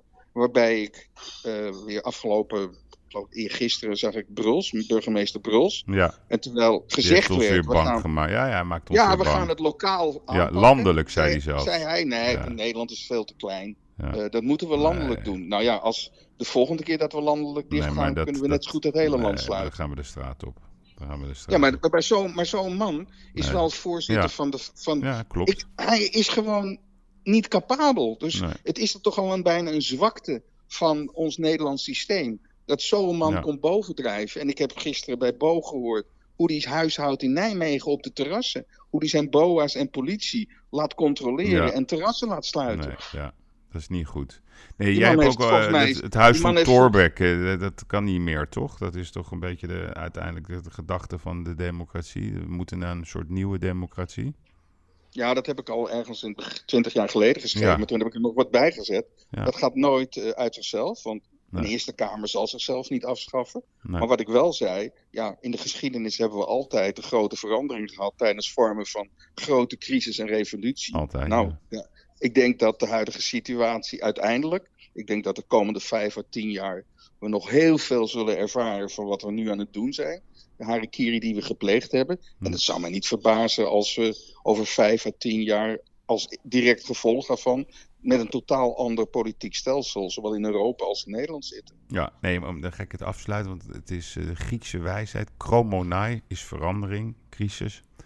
Dus ja, ik zou het mooi vinden, ook eh, Maurice, eh, lof voor je werk en, en je inzet houdt vol. Maar ook dat we politiek ge- gezien samen het gaan oplossen. Want ik denk wel dat dat de toon moet zijn in plaats van dat we met z'n allen tegenover elkaar zijn. Dus, dus we moeten elkaar wel bekritiseren, maar er moet nu wel een oplossingsgerichte situatie bij iedereen ontstaan. Dus, Ja, eh, daar was ik, daar was ik hard mee bezig om Ja. relevante informatie bij te dragen. Maar tot nu toe werd daar nogal eh, genegeerd, maar langzamerhand. Nou, omdat het- het steeds meer blijkt dat ik gelijk heb. Nu begint het steeds meer door te Het keert, het keert. Oké, nou, dankjewel. Oké. Graag gedaan. We hebben alles eh, volgens mij wel een beetje behandeld. Ja, Nou ja, alles, maar best wel veel. Hè? Ja hoor, zeker. Dankjewel Maurice en eh, ik wens je een fijne dag. En een fijne vakantie, hè? Geniet er ook Dankjewel. van. Hoi hoi, Dag. bye bye. Ik ga bellen met eh, Jaap de Groot. Hij was ook eh, afgelopen woensdag bij de lancering van ons eh, nieuwe magazine Masters met, met Johnny Heitinga. Ja, hij is een echte insider. Ik wil van hem weten wat er nou gebeurd is met Max Verstappen in Oostenrijk. Oh nee! Problemen voor Verstappen. Hij zit naar beneden te kijken. Technische problemen aan boord van de Red Bull. De Spec 2 motor hobbelt en hapert. Kan hij nog wat doen? Go back with your setting. vraagt, what can I do with the setting? Ja, tien uur is tien uur. Ja, hè? Ja, dat heb ik, heb ik van verhaal geleerd, hè? Ja, ja, ja, je mag nooit... ja, ja. nooit eh. Ja, ja, ja. Nou Jaap, ehm, ik ga even beginnen bij vorige week. Ik had me helemaal verheugd op zondag. Ik zat keurig eh, bij mijn oudste zoon, die eh, vierde zijn verjaardag. Dus wij allemaal gebak, lekkere hapjes. Ze gaan zitten. De start, goede start op gele banden. En toen viel de motor uit. Wat is er nou echt gebeurd? Ja, nee, dat, dat is er gebeurd. Eh, elektronica problemen. Hmm. Ja, eigenlijk, eigenlijk het ergste wat je kan overkomen in, eh, in de Formule 1. Omdat dat soort zaken horen gewoon geregeld te zijn. En wat je al aangaf, eh, tactisch eh, en, leek het echt geweldig. had hij een enorme stap gemaakt, Max Verstappen. Mhm. Met die, met die ehm, met de truc, zeg maar, en, en de strategische beslissing om tijdens de, de tweede kwalificatie op Ja. mediumbanden te gaan rijden. Ja. Waardoor hij minder snel had, had eh, de banden had in moeten wisselen. Ja. Ja, ja, ja, nou, de- eh, ja, precies. En eh, ja, daar had hij gewoon een voorsprong mee. En je zag ook naarmate de race vorderde, dat dat eh, wel eens de beslissende factor had kunnen zijn. Ja. Ja. en als je, als je dan dat soort slimmigheden eh, dan ziet verdampen door een, eh, door een elek- elektronische blokkade, ja, dan, dan, dan kan je door de grond zakken. En eh, ja, maar dan komt ook weer aan de andere kant weer het stoïcijnse Max eh, naar boven. Dat hij na één dag eh, ongelooflijk balen, dan toch weer gewoon gefocust is op de race van, eh, van zondag. Hmm. En eh, wat hij ook aangaf van ja, ik, het voordeel is, ik kan binnen een week revanche nemen. Maar ik denk dat, dat het moment, op het moment suprem dat het gebeurde, Oh, dat we allemaal net zoals jij dachten, oh no. Want je voelde, ja. hij gaat meteen, hij is er meteen bij. ja. Ondanks het feit dat eh, de Mercedes het toch wel een halve seconde sneller maken. Wat ook op zich ook wel eh, bedenkelijk was. Ja. Nee, maar wat ik, kijk, dus wat je dan ziet, hè, je zag die, emo- hij was natuurlijk woedend en terecht, en dat hoort ook bij de sportman eh, Verstappen. Ehm, vervolgens, za- eh, dat, ik zag vandaag of gisteren was dat het bericht dat hij toch heel loyaal is aan zijn werkgever. Dus, dus geen kritiek naar buiten, maar waarschijnlijk wel binnenskamer. Maar het gaat mij om dat ene zinnetje. Hè. Dus uit de Red Bull fabriek komt dan, ja, we, hebben het, eh, we hebben het eh, gevonden. Maar ze zeggen niet wat ze dan ontdekt hebben. Dat, vind ik irritant. Ik wil weten, hoe kan het nou dat zo'n motor als enige en als eerste gewoon zomaar uitvalt? Wa- waarom zeggen ze dat niet, wat er gebeurd is? Ja, nou, ik denk, ik denk ook een beetje dat het een, een, complex verhaal is. Want die, die, computerbox waar die elektronica op, eh, elektronica op aangesloten is, zit vrij complex in elkaar. Eh, en, en, en, en, en dat ze ook gewoon richting de concurrentie niet willen laten eh, weten waar, waar. Kijk, in feite had dit gewoon niet mogen gebeuren. Nee. Het is gewoon een verschutting. Ja. En ik denk dat ze dit zo snel mogelijk willen vergeten. Dat ze ook niet in details willen treden. Mhm. En, en, en, en, en dat ze daarom op deze manier doen. En, eh, Maar heb jij een gerucht gehoord dat je denkt van... Nou, nou, eh, nee, ik denk gewoon inderdaad dat het een, een vorm van kortsluiting is geweest. Zoals je, zoals je dat gewoon thuis ook hebt. En ja, dat mag gewoon, dit mag gewoon niet gebeuren. Nee, dat mag Kijk, echt niet. Dat het met een motor of wat dan ook, of de rijder iets doet, dat, dat, dat, dat kan. Mhm. Maar, maar dit, eh, dit, eh, op dit niveau. Maar ja, dan zie je weer. Het is, eh, ze, ze hebben vier maanden lang niks kunnen testen. Dus je ziet eigenlijk dat de race van, van afgelopen Maar zondag. dat geldt de voor iedereen, hè? Zondag, Iedereen. Ja, nee, precies. Precies. Dus het, is, het blijft gewoon een test in de test in de test. Ja. En eh, dat, dat ga je van, van het weekend ook krijgen. Je zag ook met andere, andere teams dat, dat het aantal uitvallers was, was enorm. Ja, we Het- zijn er, ja, klopt. het is, eh, het is gewoon een heel raar seizoen. Hmm. Waarbij ze dus sinds, eh, sinds eh, begin maart niet meer eh, in de auto's hebben kunnen, kunnen zitten. Ja, en nu heb je vier maanden later begin je weer op nul. En, en, en ja, je, je hebt eigenlijk geen gegevens. Dus je ziet vanaf, de, vanaf vorige week vrijdag zijn ze pas weer begonnen om die auto sterk of, eh, te perfectioneren. Ja, en bij, Ma- bij Max is dit dus fout gegaan. Alleen ja, dit, dit, dit, als je dan zo met zoveel mensen en zoveel experts bizar, werken. met al die dit, ik- dit- ik- dit als is gewoon bizar. ja, kan en dit is, het er, dit is echt, kijk, rij dan eh, tegen een ander aan. Ja. Of in de of wat dan vangrail, ook, ja. weet je. Of in de, maar, maar niet dit. Dit is gewoon, eh, dit, dit, nee, dat kan niet. Dit, Nee. dit dit, dit, dit is 100 meter fietsen en een lekker band hebben, weet je. Ja, Ja. dat, eh, dat, dat, is, het is bizar. Maar als dat, goed, als, als dat weer gebeurt zondag, ja, dan, dan, dan vind ik ook dat er consequenties aan verbonden moeten zijn. Want dat kan je de coureur Verstappen niet aandoen. Want dan, Nou, nee, maar kijk, dat is het voordeel in de Formule 1. Dat eh, ieder, eh, iedereen is ergens ver- verantwoordelijk voor. Dus Ja. degene die links eh, achter eh, een bout aan het wiel draait, je Ja. weet precies wie wat verantwoordelijk voor is. Dus dan gaan er koppen rollen. Ja. 100%. Dat, als dat fout gaat, weer, wat overigens, dat verwacht ik niet. Want dit is echt, dit is heel diep gedrongen in de ziel van, van Red Bull. Dus ik kan me niet voorstellen. De, kijk, en dan eigenlijk ook weer een vooruitzicht. Je weet dan na zoiets dat Max eigenlijk op, op zijn best is. En eh, dus ik kijk eigenlijk weer, eh, weer uit naar de race van zondag. Omdat je Ja, en het wordt dat, regen eh, waarschijnlijk, dus dat, is, dat wordt Ja, helemaal ja, leuk. ja, ja, ja, ja, ik vond het wel leuk. Ik Ja. moet wel zeggen, ik vond het wel weer genieten om weer te kijken. Ja, en je, en je Ondanks zag alles. weer, kijk, en ook meteen al, je weet dat hij dan in nadeel is met die mediumband. Dat iedereen eh, Ja. rijdt op softs. En dan hoe hij dan toch weer de deur dicht houdt. Ja, vooral die eerste plek- ronde, ja, perfect. Ja, ja. Knap. En dan bij die eerste, eh, eerste bocht meteen al de, de deur dicht houdt. En daardoor eh, zijn tweede positie vasthoudt. Precies zoals het hoort. Ja. En eigenlijk foutloos rijdt. En je ziet ook alweer. Ja, ik vond het. Het kwam mij weer over. Dat je kon toch weer zien dat hij als rijder toch weer eh, volwassener geworden is. Ja. Weer een stap heeft gezet. Ja, je denkt, ja, hij is, hij is klaar gewoon om dit jaar eigenlijk al toe te slaan. Ja, echt. Maar ja, dan ga je meteen met een achterstand. Wat vond je van dit niet knielen bij, bij het proces eh protest tegen racisme van Verstappen? Met nou vijf andere kijk. coureurs, hè? dat moeten we even bij zeggen. Ja, nou ja, ik, ik, ik, ik- het, hij was heel duidelijk erin. Hij, eh, hij is tegen racisme, dat heeft hij eh, uitgestraald. Ja. En hij wil zelf bepalen hoe hij dat, hoe die dat uit. En eh, ja, het is heel nadrukkelijk het signaal van ik ben geen kuddedier. Ja. Nu is natuurlijk ook de afgelopen weken, dat knielen wordt eh, heel eh, toch steeds meer geassocieerd met eh.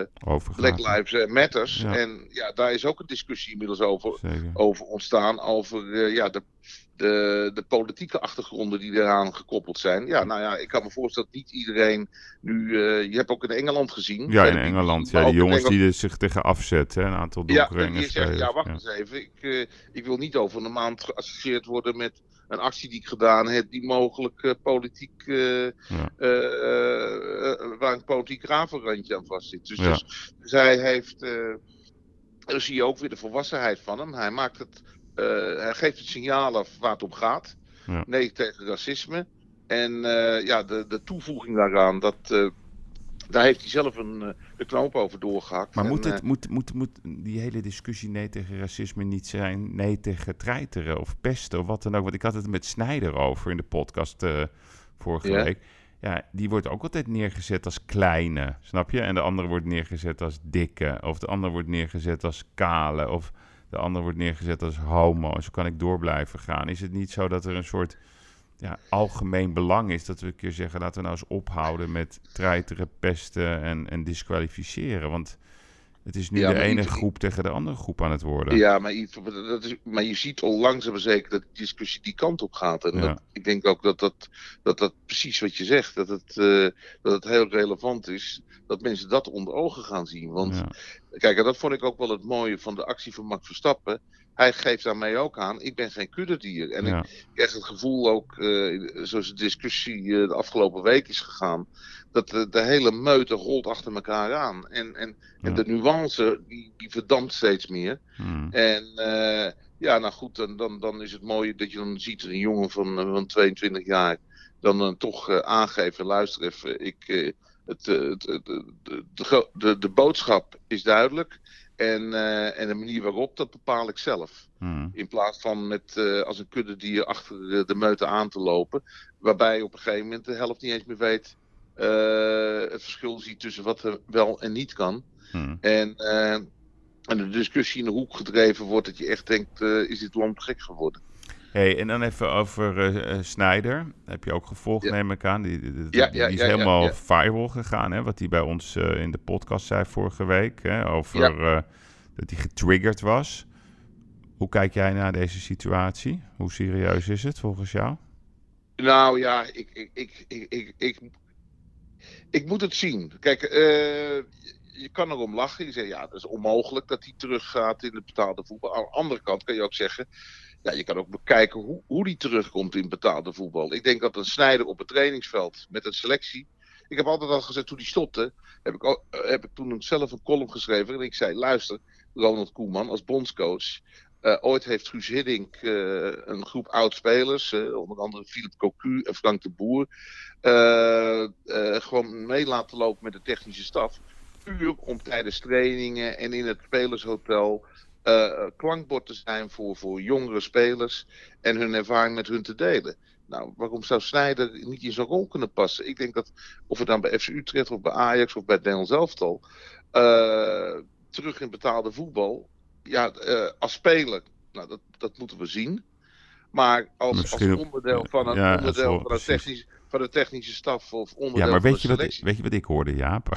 Nou, Ik hoorde dus dat, kijk, die Frans van Seumeren, die willen het wel, hè?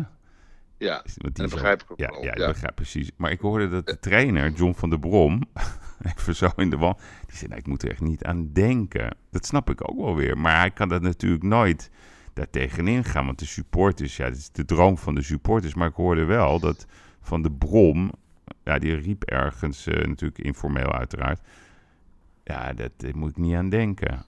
Kan je dat voorstellen? Nou, nee, eigenlijk niet. Ik, Nee, ik, ik, vind dat iemand als eh, Wesley Sneijder met, met, met zoveel, eh, ja, met zo'n reputatie, iemand die zoveel betekend heeft voor het voetbal, Hmm. moet je altijd nadenken voor welke rol je hem kan inschakelen. Ja. Om de deur gewoon dicht te, dicht te gooien, vind ik eigenlijk niet kunnen. Ik vind, kijk, ik zit nu ook met jou te praten over, nou ja, luister, de voetballersnijder in het eerste elftal van Utrecht bijvoorbeeld, daar, daar, daar, daar, daar krap ik wel achter mijn oren. eh, Daar krap ik wel achter mijn oren. Ja. Maar de voetballersnijder kan ik ook op, misschien op een andere manier gebruiken. Ja, Weet maar je, dan krijg je, een beetje dat, dan krijg je een beetje dat Vincent Company model bij Anderlecht. Hè? De- Dus, dus trainer en af en toe speler. Nou, dat werkt ook niet. Nou nee, maar je hoeft toch niet te spelen. Je kan toch een. eh, Je, je, je, je, gewoon rondlopen. Zoals Huntelaar bij Ajax eh, steeds vaker doet. Ja, maar je hoeft toch niet meteen als uitgangspunt te nemen dat hij gaat voetballen. Nee, je kan hem toch gewoon in de, in de staf meenemen. Ja. Wat, precies wat ik schetste met, toen met Frank de Boer en met, eh en met Philip Cocu met Nederlands elftal. Wat Guus Hiddink toen gedaan heeft. Ja, ja, en er zijn meerdere trainers die dat gedaan Je kan hem toch op een gegeven moment tijdens trainingen, eh, gewoon, eh, wat, wat van, van Persie gedaan heeft vorig jaar of het afgelopen jaar bij Feyenoord. Dat je op, op trainingen, dat je op een gegeven moment de Nee, middenvelders, de jongens, dichter op de bal, dit en dat. Je, je, kan hem, e- eh, iemand als Snijder kan altijd, heeft altijd een toegevoegde waarde Nee, in. Maar ik weet niet of hij en- dat wil, weet je. Ik denk wel dat hij de een of Ah andere ja, maar, manier... maar, dat is, dat, maar dat is aan hemzelf. Ja, dat is aan Kijk, hemzelf. Op een gegeven moment kan je, Klopt. kan, kan je tijdens een training zien of je de next step kan maken. Maar begin dan gewoon met iemand die, die meetraint, die, die, Ja. die als een soort van specialistentrainer in de kleedkamer op jongens inpraat. Ja, maar, Eh, ja, nee, begrijp. Maar kijk, alle specialisten hè, op tv, weet je, overal zijn allemaal ja, belachelijk ideeën. Kenneth Perez was nog het meest uitgesproken. Dat kan niet, is onzin, nou, noem het allemaal op. Maar als je het aan Snijder zelf vraagt, wat ik ook heb gedaan, ja, echt, ik, ik merkte, hij wil het echt wel hoor. En, en, en dan gaat hij natuurlijk nu met al die specialisten kijken of, of hij dat lichaam fit voor elkaar krijgt. Maar ik denk echt dat hij het wil hoor. Dus omdat Ja, hij nee, is maar- net maar- zoals maar- Verstappen, hij is ook tegendraads. Weet je, als iedereen zegt het kan niet, nou, dat eh, werkt het allerbeste Ja, nee, maar, maar, maar dat is toch alleen maar mooi. Als je dan zo iemand in de selectie hebt, dan begin je zeg maar Ja, op de dus jij zegt gefaseerd. Ja, precies. En, dan- en dan zie je gefaseerd, dan heeft hij ook voor zichzelf een, een stip op de horizon Ja, gecreëerd. idee. Nee, maar, maar, ik, maar ik vind echt een, een trainer, als je de kans krijgt om Wesley Sneijder, eh, zeker bij een FC Utrecht, eh, hè, want die kunnen echt nog wel stappen maken. Of het nou vanuit de, de, de rol dat hij als specialist of als, gewoon als, als een soort van mentor binnen die jonge spelersgroep fungeert. Of uiteindelijk zelfs nog als speler. Ja. Die deur moet je altijd wagenwijd opengooien. En, eh, en, en dat is ook in belang, ook in belang van de club. Hè? Ook Ja. richting de Nee, supporters. zeker. Het, eh, ik vind dit, dit moet je altijd omarmen. En je moet hem ook helpen om zijn doel te bereiken. En dan, eh, en dan ga je er gewoon met z'n allen voor. En dat maakt alleen maar het geheel maakt dat sterker. Even een andere club, AZ. Robert Eenhoorn, die, eh, die gaat maar door. Jij kent hem goed. Maar Ja. hij, hij laat het er niet bij zitten. hè. Hij wil toch doorgaan eh, dat de UEFA, of de, eh, wat is het, UEFA in dit geval, AZ toch dat eh, Champions League ticket gaat geven. Is hij nou niet een beetje... Bedoel je die, die, die opmerking over de kas? Nee, over, dus, dus kijk, eh, ja, dus, eh, ja, exact, over de, hij wil naar de kas. Ja, over de kas. dat- dat- ja, maar, Moeten we even uitleggen, hè? Dus, dus, dus, Ja, dus nee. Eenhoorn heeft al eh, gezegd Ja. als directeur van AZ...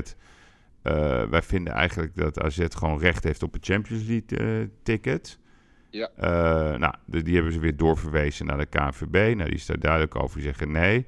Maar ze laten het er om de een of andere manier toch niet bij zitten. hè. Ze willen gewoon toch doorgaan. Wat vind je daar nou van?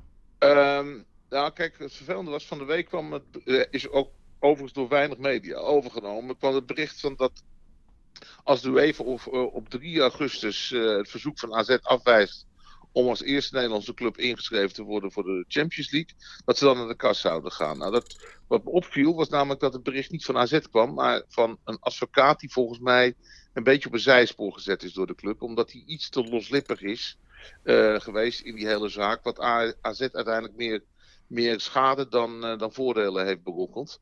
En eh, ik- wat me ook opviel is dat bijna geen enkel media het overnam. Dus het feit dat AZ naar de kast zou gaan bij, eh, bij negatief, dat, dat, dat zie ik niet als een feit, maar meer een, een wishful thinking van de advocaat in kwestie. Van AZ. Maar goed, hij kan ook zeggen, ik stop ermee nu. Ik vind het niet slim hoor, als ik eerlijk ben. Ja, nee, maar, maar waarom zou je stoppen als er geen uitspraak is? Zij, kijk, arg- de argument die AZ hanteert in deze is dat ze tot eh, eh, dat ze drie keer eh, een, een brief naar de KNVB hebben gestuurd en dat daarop niet eens een, een, een, een, beve- een bevestiging van ontvangst is gekomen. Ja, En, en, en, en, en ze hebben gewoon gezegd, luister, dit is gewoon een fatsoensnorm. Als wij geen antwoord bij de KNVB op onze relevante vragen krijgen, dan gaan we naar het volgende loket. Ja. En, en dat is de UEFA. En dat is ook wel logisch, want ergens ook wel logisch, want ehm, als het niet aan de UEFA gelegen had, had AZ helemaal geen Champions League. eh, ja, en dan waren ze die gaan het stand van het seizoen ervoor met PSV en Ajax. Ja, maar, dat, maar- maar- Ja. maar dat- dat was de bedoeling van de KNVB. Dat Ja. is Nee, dat was 24 uur gênant voor die bewuste Ja, nou, nou en, en, en dan vervolgens wil je de dialoog aangaan met de KNVB. Die houdt het loket dicht. Eh, en tot drie keer aan toe eh, weigeren ze om, om, om, om te praten. Ja. Ja, eh, eh, dat hebben ze ook gezegd. De enige reden waarom ze dat gedaan hebben, was omdat de KNVB niet wenste te communiceren. En zij wilden gewoon niet genegeerd worden. Ja. Wat op het een of Nee, duidelijk maar dat is ook wel eenhoorn. Die gaat gewoon ook gewoon door. Ja, oké. Maar jij vindt, Ja, het dus, jij vindt het niet onverstandig, ook vanuit reputatieoogpunt. Dus dus continu dat, dat gelijk willen halen. Jij zegt van, ik vind het eigenlijk wel logisch dat hij doorzet. Nou ja, het, het punt is, zij willen antwoord hebben op vragen. Ja, En- maar dat en is doorzetten natuurlijk. Ja. Ja, ja. En, en, en om, ze, ze, hebben ook duidelijk aangegeven, wij zijn de fase voorbij dat wij alles accepteren. Ze geven hiermee ook een signaal af dat AZ niet langer een club is waar overheen gelopen kan Nee, dat worden. begrijp ik. Kijk, ze, ze hebben heel sterk het gevoel dat Erik Gudde, de directeur van de KNVB, eh zijn oren eh, te luisteren heeft gelegd bij Ajax, Feyenoord en PSV. En vervolgens alles eh, beslissingen genomen Ja. heeft. En, en, en eigenlijk de 31 andere betaald voetbalorganisaties Ja. eh, eigenlijk eh, niet serieus genomen heeft. Dat ik, nou, als ik naar die drie luister, dan, dan, dan, dan overleef ik. Eh, dan, dan, sta ik dan kan mij verder niks meer gebeuren. Een beetje En een soort, soort nepotisme op het hoogste niveau. Exact. En Ja. wat je dan nu ziet, is, is dat je AZ eigenlijk als een hele sterke eh, gele truidrager van de rest zich nu manifesteert. Sterker nog dan FC Utrecht, die in mijn ogen op dit moment echt het, eh, het, het meest nadrukkelijk een oor is aangenaaid. ja, zeker door, door en die bekerfinale Die natuurlijk. bekerfinale, Ja. natuurlijk, hoe, hoe En, lang en ook gewoon de, nadenkt, de, hoe- de, de vecht voor de Europa League. Ja, ik begrijp het. Ja, nee, maar, maar vooral die bekerfinale, hoe Ja. lang je erover nadenkt, hoe, Nee, ja. hoe groter het god, godsspel wordt zo langzamerhand. Want er worden straks in, in augustus 60 oefenwedstrijden gespeeld. En de KNVB is niet in staat om één bekerfinale Ja, nee, zonder dat is echt, eh, organiseren. dat is echt viruswaanzin om eh, even nog even een Ja. populaire term van het moment. Oké. Ja, Hey, dan even tenslotte, eh, Jaap. Ik, ik zie jou niet als een, als een eh, Nostradamus, maar ik ga het je toch vragen. Wat gaat er gebeuren zondag? Tweede kans Verstappen?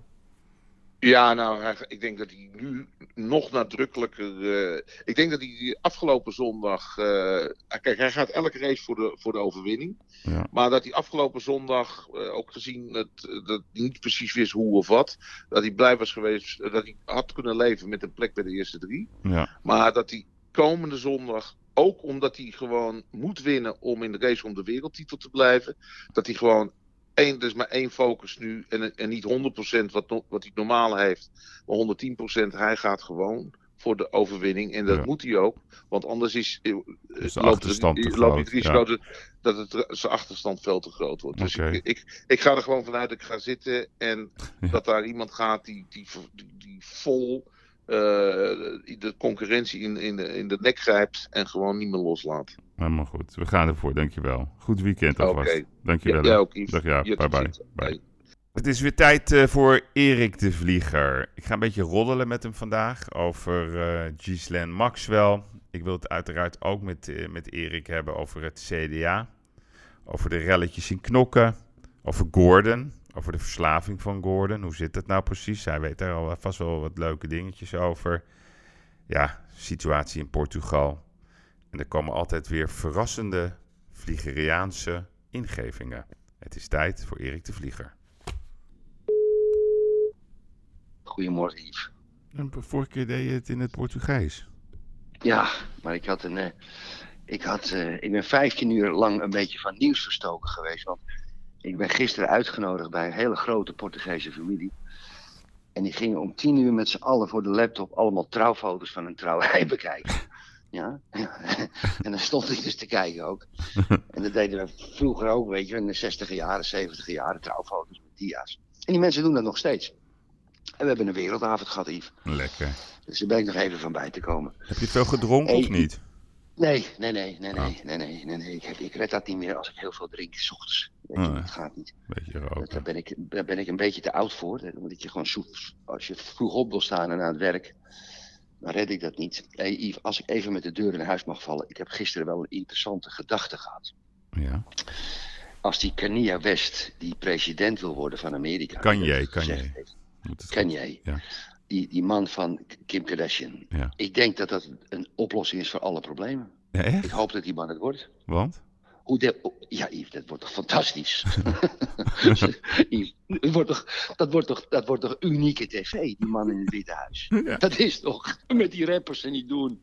En dan weet ik voor wat buitenlandbeleid en, en, en, en met Poetin, ja, met die gouden ketting. Yves, dit is de oplossing voor alle problemen. Ik denk, kijk, als je die Biden en die Trump naast elkaar zet, dat zijn toch een beetje oude gekke mannetjes. Ja. Ja, en, en hè, die zijn over de 70. Ja, dat, kijk, Yves, eh, als je 73, 75 bent, dan ben je toch niet meer zo scherp als op je 50ste, 60ste. Nee, klopt. En, en je moet je eens voorstellen, moet je eens voorstellen dat die Kanye met Kim Kardashian op bezoek gaat bij Poetin. Dan krijgt ze alles geregeld. Nee, nee naar, de koningin, naar de koningin van Engeland. Alles wordt geregeld. Ja, eh, dat, Yves, dat is, dat, Yves, dat is, dat, dan hebben we, dan, dan, dan, dan, dan, dan is Amerika compleet. Ja, nee, ik, zeg, Ja, ik, ik heb hun een keer ontmoet, hè. krijgen. Wij waren een keertje in Londen voor een voetbalwedstrijd. Ik was even naar de FA Cup Final. Vind ik gewoon altijd leuk om eh, dan eventjes een kortere tripje te maken.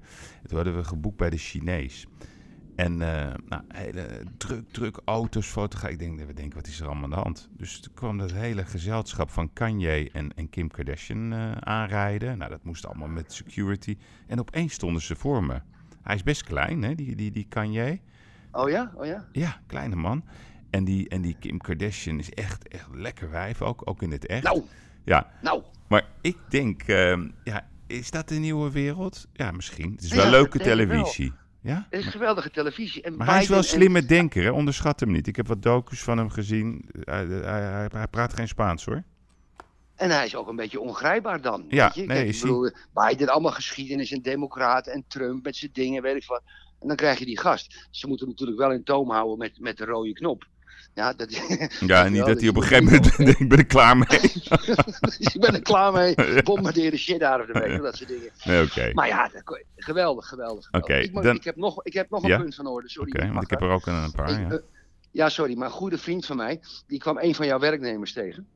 Ja. En die, eh, over die podcast van, hè, en die vond het zo leuk. Die zei, god, het is die, met die Erik de Vlieger en Yves, dat, is een, dat, dat gaat heel goed. Ja, En dat vind ik zo hartstikke leuk. Maar er is één ding. Zij, zij zei tegen mijn vriend in de stad.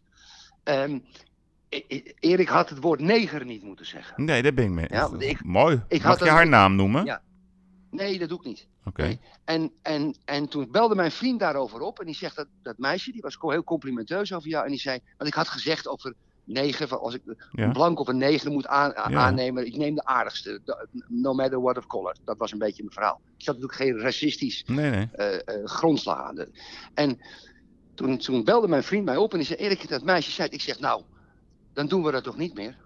Nee, precies. Zo maar ik zei ook van ja, let op je woorden of zo. Ik weet niet, eh, nou, nou of zoiets. Ja. Nee, maar dat, Ja, dat maar wel begrijp leuk dat ik. het zo loopt, hè, in de ja, stad, nee, maar goed dat je dat ook uit jezelf zegt. Want het is gewoon niet prettig. Ik vind het goed. Nee, dat het- blijkt. Ja, nee, klopt. Ja, Oké. dat blijkt. Ja, Dan, ja, je had een fragmentje eh, over Ja. Gordon. We gaan heel even ernaar Ja. luisteren. was op eh, shownieuws. Mhm, mhm. Even heel kort luisteren. Ja.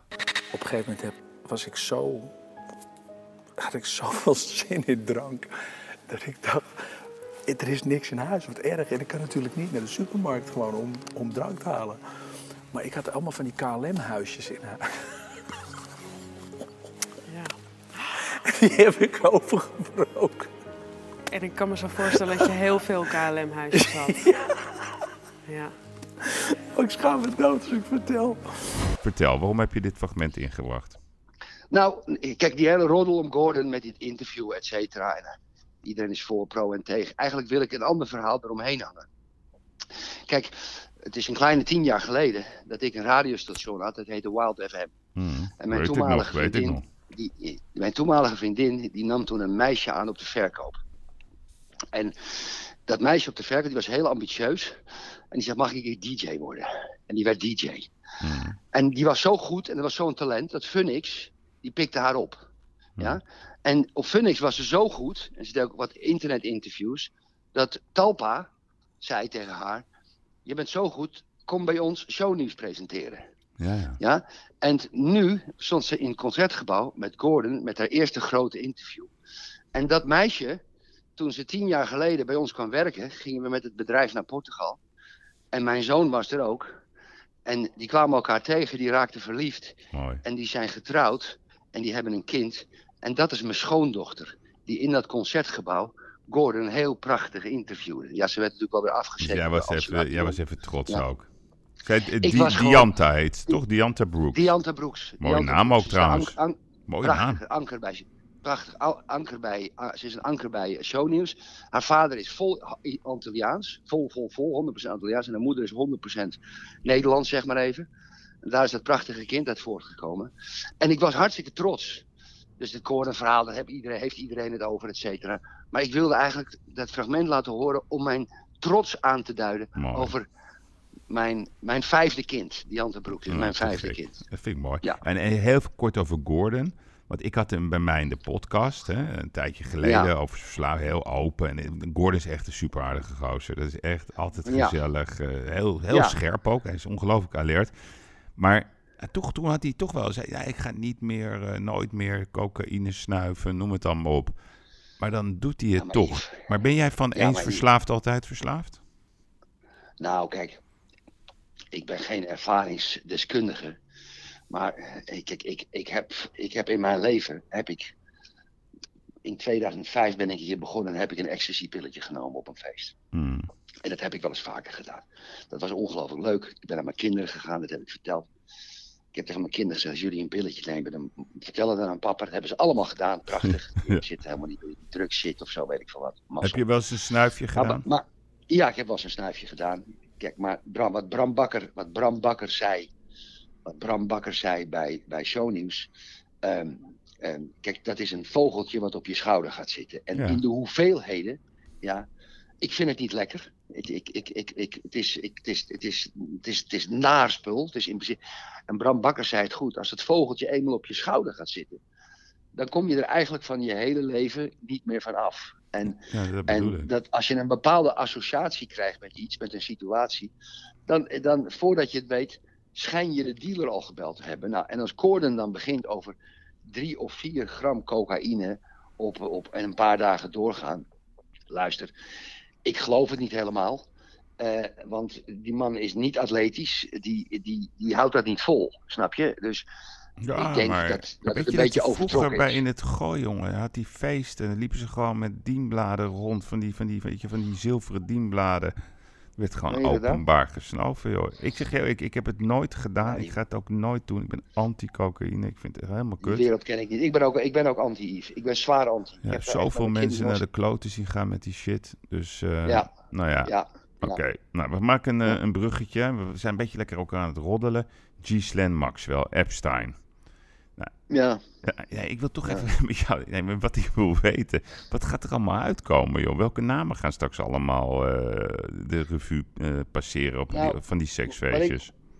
Wat ik, me, wat ik me behoorlijk interesseer, ik zeg zo- zo'n vrouw, die hield natuurlijk ook van die Epstein. Ja. En om hem te plezieren regelden ze andere vrouwen. Nou, in principe is dat het paradijs, hè? Voor een man. ja. ja, ja, ja, schatje. Je komt thuiskomen en je vrouw zegt, nou, ik heb lekker zuurkool gemaakt. Nee, zij zegt, nou, ik heb een, een- deze, deze vrouw voor je. Dus dat is voor, voor hele gekke mannen is dat natuurlijk...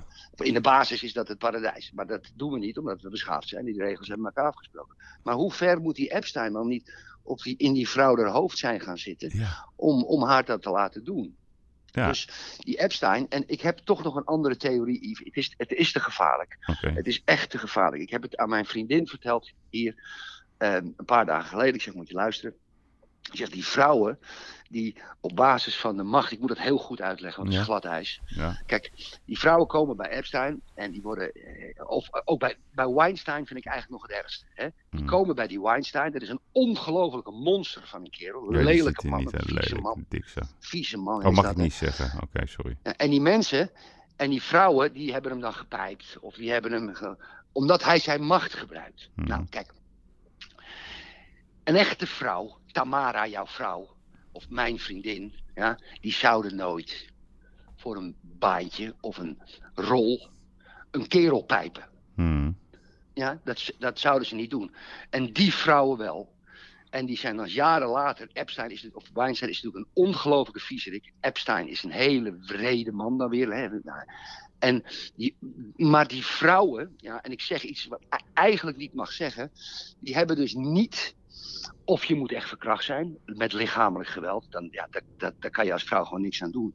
Maar de, hun wil om toch te slagen in die showbiz quiz, heeft, daardoor kon Weinstein wel zijn macht over die Nee, vrouwen dus jij zegt die erotisering van de macht, dat trekt toch bepaalde type vrouwen aan. Dat Nou, is ik wat denk jij dat zegt. Weinstein ze gewoon een rol bezorgde. Ik, Ja. denk dat het gewoon, ik denk dat het gewoon pure prostitutie is. Gevaarlijke uitspraak, Erik. Gevaarlijke uitspraak, vrouwonvriendelijk. En Ja. je weet het, ik, ik, ik ben niet vrouw-man verschillend. Totaal niet. Maar ik ken vrouwen die alles wilden bereiken, maar die dat, die dat, die dat niet zouden doen. Mhm. Ja? Die dat, ja, kom even mee naar de hotelkamer. Ja. Dan, en dan krijg je die rol. Dus we moeten wel een beetje... Goed dat hij er lik in ge- gegaan, Weinstein. Het is natuurlijk een smeerlap. Nee, maar die, die, ik wil die, die Slam Maxwell. Kijk, want dat is een Ja, soort... die ja. Ja, kijk, die, Ja, die, die, die ook- moet die nu is- dus, hè? Die is ook door die, ja, maar die is ook door die Epstein helemaal, Oh, gek, die helemaal dat is gewoon de, dat is, is, ik weet niet, is de dochter geloof ik van, die, van Robert Maxwell. Dus ja, die komt uit, Yes. uit een goed huis. Dan denk ik, ja, wat gebeurt er inderdaad met dat brein van die vrouw? Dat ze gewoon bijna gewoon robotechnisch gewoon doet wat hij wil. Het is echt bizar, hè? Geld, geld, Geld, ja, geld. Want ze heeft heel veel geld. Want ik denk niet dat haar vader, toen haar vader heeft zelfmoord gepleegd. Nee, ja, dat is heel onduidelijk, hè? Die is Ja, van een schip gevallen. schip Er zitten nog alle complottheorieën achter, maar goed. Maar ik weet niet of die man zo rijk is eh, gestorven en, en, en, en, en wat er met het geld gebeurd is. Maar nee, die niets is wat het lijkt. Maxwell, die heeft heel veel, heel veel geld van Epstein gehad. Ja. Ja, die Epstein had zoveel geld met zijn met met fondsen. Ja. Met zijn hedgefondsen. Dat, die heeft daar gewoon 6 of 7 miljoen. Die gaf er een miljoen per jaar, geloof ik. Maar kijk, jij, kijk, jij hebt natuurlijk ook in Nederland. Laten we even naar Nederland gaan. Hè? Dus, dus waarschijnlijk gaat uitkomen dat Clinton op de feestjes kwam. Die, die Prins Ja. Andrew, hè? Ik zei een mooie anekdote vertellen. Ik had ooit Sarah Ferguson naar Amsterdam gehaald. Eh, om de beurs te openen. Dat deed ik toen nog. Ja, en dan liet ik weet zo iemand eh, invliegen. Nou, dan moest ze een bepaald bedrag Ja. betalen. En dan ging ze op een gong slaan. Het sloeg helemaal nergens op. Maar ja, mensen vonden Nee. het leuk. Dus ik sta op een gegeven moment die Sarah Ferguson in, in, in, in de kleedkamer voordat we zeg maar eh, het podium oplopen.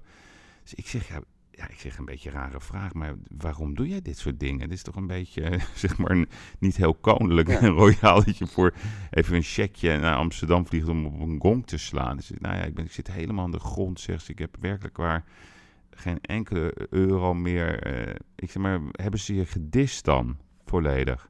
Dus die macht van het Engelse koningshuis, toen zij toch Ja. onwelvallig was, zeg maar, Ja. die wordt Ja. zo massaal uitgeoefend dat zij werkelijk heel- Massaal. helemaal niks meer kan doen. Dus die macht, hè, en die wil ik even vertalen met jou naar Nederland, hè.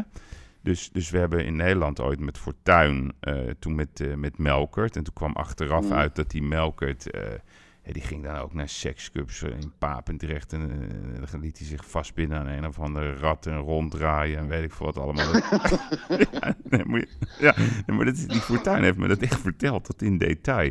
En ik hoorde ook dat Wouter Bos eh, wel eens ja, naar, naar andere zeg maar, vrouwelijke voorkeuren ging om een leuk avondje te hebben. Heb jij dat vroeger meegemaakt met, met, met bekende politici en, en zo, die, die, die, die, die toch wel wat bepaalde voorkeuren hadden? Nee. Weer glad Nee. ijs dit, hè? Nee. Nee, helemaal niet. Want dat is zoals, nee, voor mij helemaal niet. Ik zeg Nee. alles, dat weet je. Ja, nee, er waren onroerend goed handelaren, er waren onroerend goed handelaren. Die gingen met z'n allen naar een sekshuis. En dat was altijd Ja, ja, een ja. spelletje. En, en, Ik kan nog één keer die, die geweldige anekdote vertellen. Dat vind ik een van de mooiste anekdotes. Dat jij was bezig met die grote vastgoeddeal van een gebouw in Amsterdam. En je Ja, zit daar met die, met die hele rits aan advocaten, met die, met die Duitse projectontwikkelaar. En, en, en het loopt allemaal niet, het loopt allemaal niet. ik verkocht het. Ik Vertel het verkocht even, het, eh, zo'n heerlijk verhaal. het Else, ik, ik was, ik had het, was het Elsevier gebouw aan het bouwen. Ik had Ja. een grote deal, 20 gulden huur. Ja. Ja, we bouwden een gebouw en eh, e-wisseling, ik doe het snel. Dat werd euro's, was 112 miljoen euro. En het, Duits, eh, het groot Duits pensioenfonds wilde dat kopen. De hoofd van het grote Duitse pensioenfonds was een Nederlandse Duitse kerel. En het was een echte, originele, geweldige homo. Geweldig. En we zitten met z'n allen al 12, 14, 15 mensen en zo. En dan gaat moeizaam en stroef. En ik zeg tegen die kerel, ben jij een homo? Ja. Al die advocaten. In één keer. In één keer, ja. Hij zegt ja. Ik zeg, kom je wel eens in Amsterdam? Hij zegt, onweinig. Ik zeg, zullen wij eens een keer lekker in Amsterdam uitgaan met z'n tweeën? Hij zegt, dat is goed. Om een lang verhaal kort te maken. Ik spreek met die man af. Ik ga naar de, die, die straatjes daar, die homo We gaan lekker een eh, biertje drinken, ja. regulierstraat. We gaan naar een paar tenten. We gaan hartstikke leuk. Het is 11 uur, 12 uur. Ik zeg, nou ja, je hebt het nu een beetje gezien. Hij zegt, eh, nee, maar zegt, we gaan nu eens naar een echte homo-tent, Erik.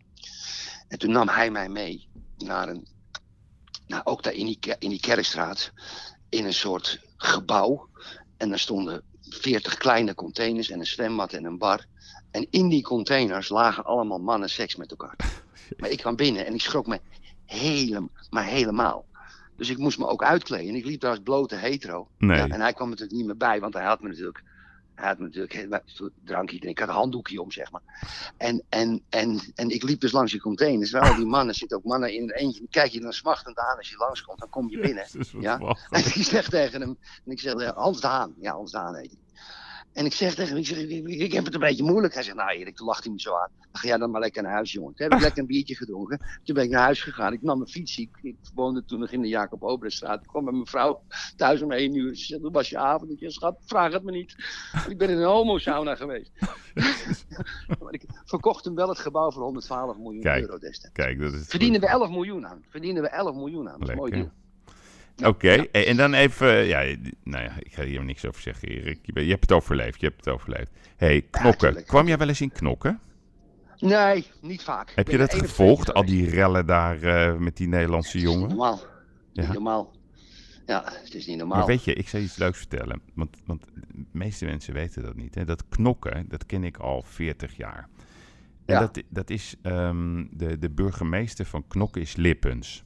Maar dat is eigenlijk gewoon een staat binnen een staat. Hè? Dus eh, de, die, die heeft gewoon dat helemaal ontwikkeld. Dat is eh, ontwikkelingsmaatschappij De Zoete.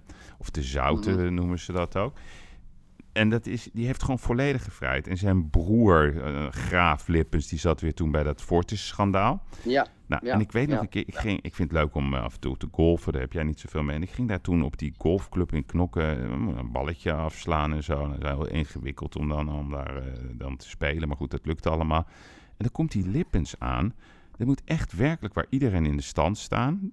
Je moet meteen van de hol af, want hij gaat voor. Dat is zo'n onwaarschijnlijk autoritair regime waarbij de burgemeester van, van zeg maar gewoon een stad en ook nog eens een eigen ontwikkelingsmaatschappij heeft. Een beetje zoals, zoals, zoals in Marbella dat ging toen met die, hoe Ja. die ook alweer, die Gilles Gilles. geestes Giel. Gilles Ja, ja, ja. Ja. Maar in Knok is dat Die ook zo. die heb ik wel ontmoet. Die heb ik wel ontmoet. Ja? Ja. Ja, mooi hè. Maar dat is toch eigenlijk, eigenlijk aan de ene kant zeg ik van, nou, dat kan niet. En aan de andere kant, hij bepaalt gewoon daar de spelregels. Is dat ook een wereld waar we naartoe zouden moeten willen? Nee, ik vind het heel Nee hè?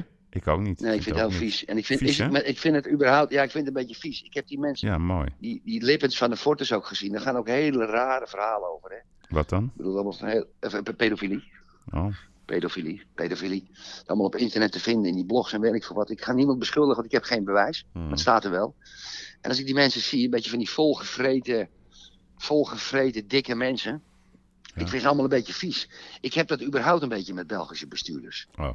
Eh, ik, ik, ik weet het, ik, ik vertrouw dat nooit zo erg. Toen ik nog in mijn naaimachine tijd was, Yves, weet je wel, toen, tussen mijn twintigste en mijn dertigste hadden we ook Belgische klanten, die betaalden ook nooit. Hmm. Ja? Die beloofden altijd, en die, maar die betaalden ook. Moest je altijd geld, moest je altijd naartoe om geld op te halen, of machines terug te halen. Ik vind in België hele lieve mensen, maar ik, ik, ik blijf er liever bij weg.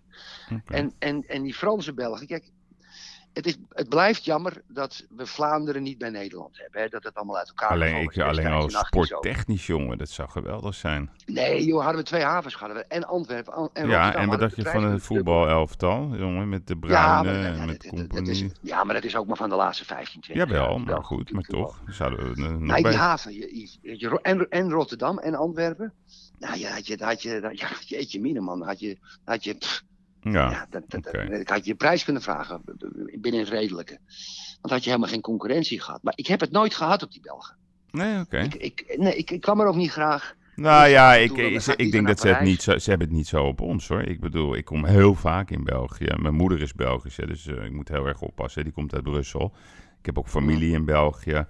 Nou, ze, ze, ze hebben een soort, ja, ik weet niet, een soort minderwaardigheidscomplex ten opzichte van Ja. Nederlanders. Ja. Ze vertrouwen ons Ja. niet. Eh, Nee. En als je eenmaal, Nee. ik moet je wel zeggen, als je eenmaal het vertrouwen hebt van een Belg, dan echt, dan is het klant voor het leven. Alleen Nee, is- geloof ik niet. Ja, echt. Dat is Geloof mijn, mijn eigen geloof ik? Ik heb heel veel Belgische relaties en daar ben ik heel goed mee. Die zijn heel trouw. Ehm, Ja, ja. Dus Maar ja. Dan heb je een paar witte raven. Nou ja. Met Portugal en Spanje is precies hetzelfde. Hè? Portugal is België, Spanje is Nederland. Hè? Ja, nee, precies. Portugezen vinden. Spanjaarden ook Maar allemaal zo werkt het toch altijd? Dat is toch altijd zo? Dat werkt toch ook in ja. Servië, Kroatië zo? Rusland, Ajax, Oekraïne. Ah, Ajax, Feyenoord. Oeh, dan moet je oppassen, dat vinden de Feyenoord dus niet. Maar is Feyenoord dan België en Ajax Nederland? Ja, tuurlijk. Dat kan niet meer Oeh, Erik, Erik, dit wordt geen populaire podcast dit. Hey, even een ander... ik, ander... zie de, ik zie de dreigbrieven wel binnenkomen. Ja, even een ander bruggetje, de verkiezingen. Ik had eh, eh, heel uitgebreid gesproken vandaag eh, met, met Maurice de Hond. Die begint toch steeds meer begrip te krijgen voor zijn theorieën.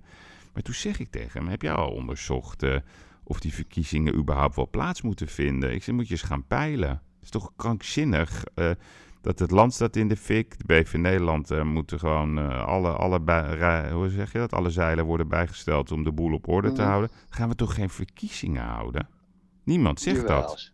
Wat vind jij 17 ervan? maart. Ja, gewoon verkiezingen. houden. Echt? 17 maart. Niet uitstellen, gewoon doen. Maar die, maar, maar, maar- Goede veiligheidseisen. Nee, dat kan makkelijk. Ja, maar echt, maar kijk nou, die, die, die Hugo de Jong, hè, onze vriend, en Mona. Keijzer en Pieter Omtzigt, die zijn nu alleen maar bezig met campagnes. Maar ze moeten toch op dat departement zitten, de hele tijd werken, werken om de boel op orde te houden. Er is toch geen tijd voor verkiezingen? Hugo de Jonge heeft de belangrijkste positie. Die heeft ons elke dag beloofd dat er meer tests zou gaan, zou gaan komen. Die niks met zijn quote. Die heeft de verpleeghuizen niet, niet beschermd. Hugo de Jonge is een ondeskundige, ondeskundige mooi, mooi loper. Met een mooi koppie die het leuk kan vertellen. Maar wie denk Maar je dat gaat winnen van die drie?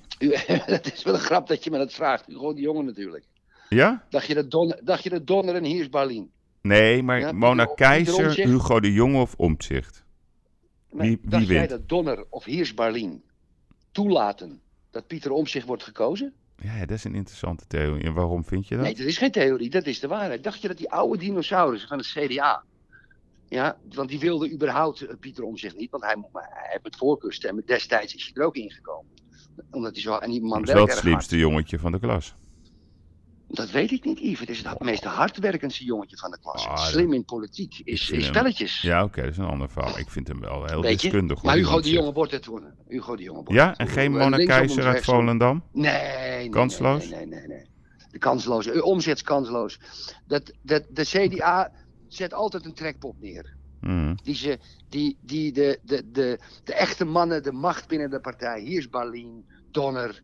Weet je wel, er zit zo'n groep van een man of twintig. De oude CDA's, KVP. Weet je wel, dat nog zelfs uit die KVP-kringen. Of de AR4 ook nog steeds. Daar zitten nog van die stromingen. Je, Jezuïeten. Eh, dat, dat, gaat er niet worden. Die pakken een mannetje. Die, en kun je wel zeggen verkiezingen. Ja, dat ken ik allemaal wel. Er zijn lobby's op gang gekomen. Er zijn groepen. Nee, ja, precies. Wordt het. En wie wordt de Dark Horse straks? Hè? Dus je buiten Rutte, buiten eh, de jongen van... Wie verwacht jij dat de Dark Horse wordt in de politiek?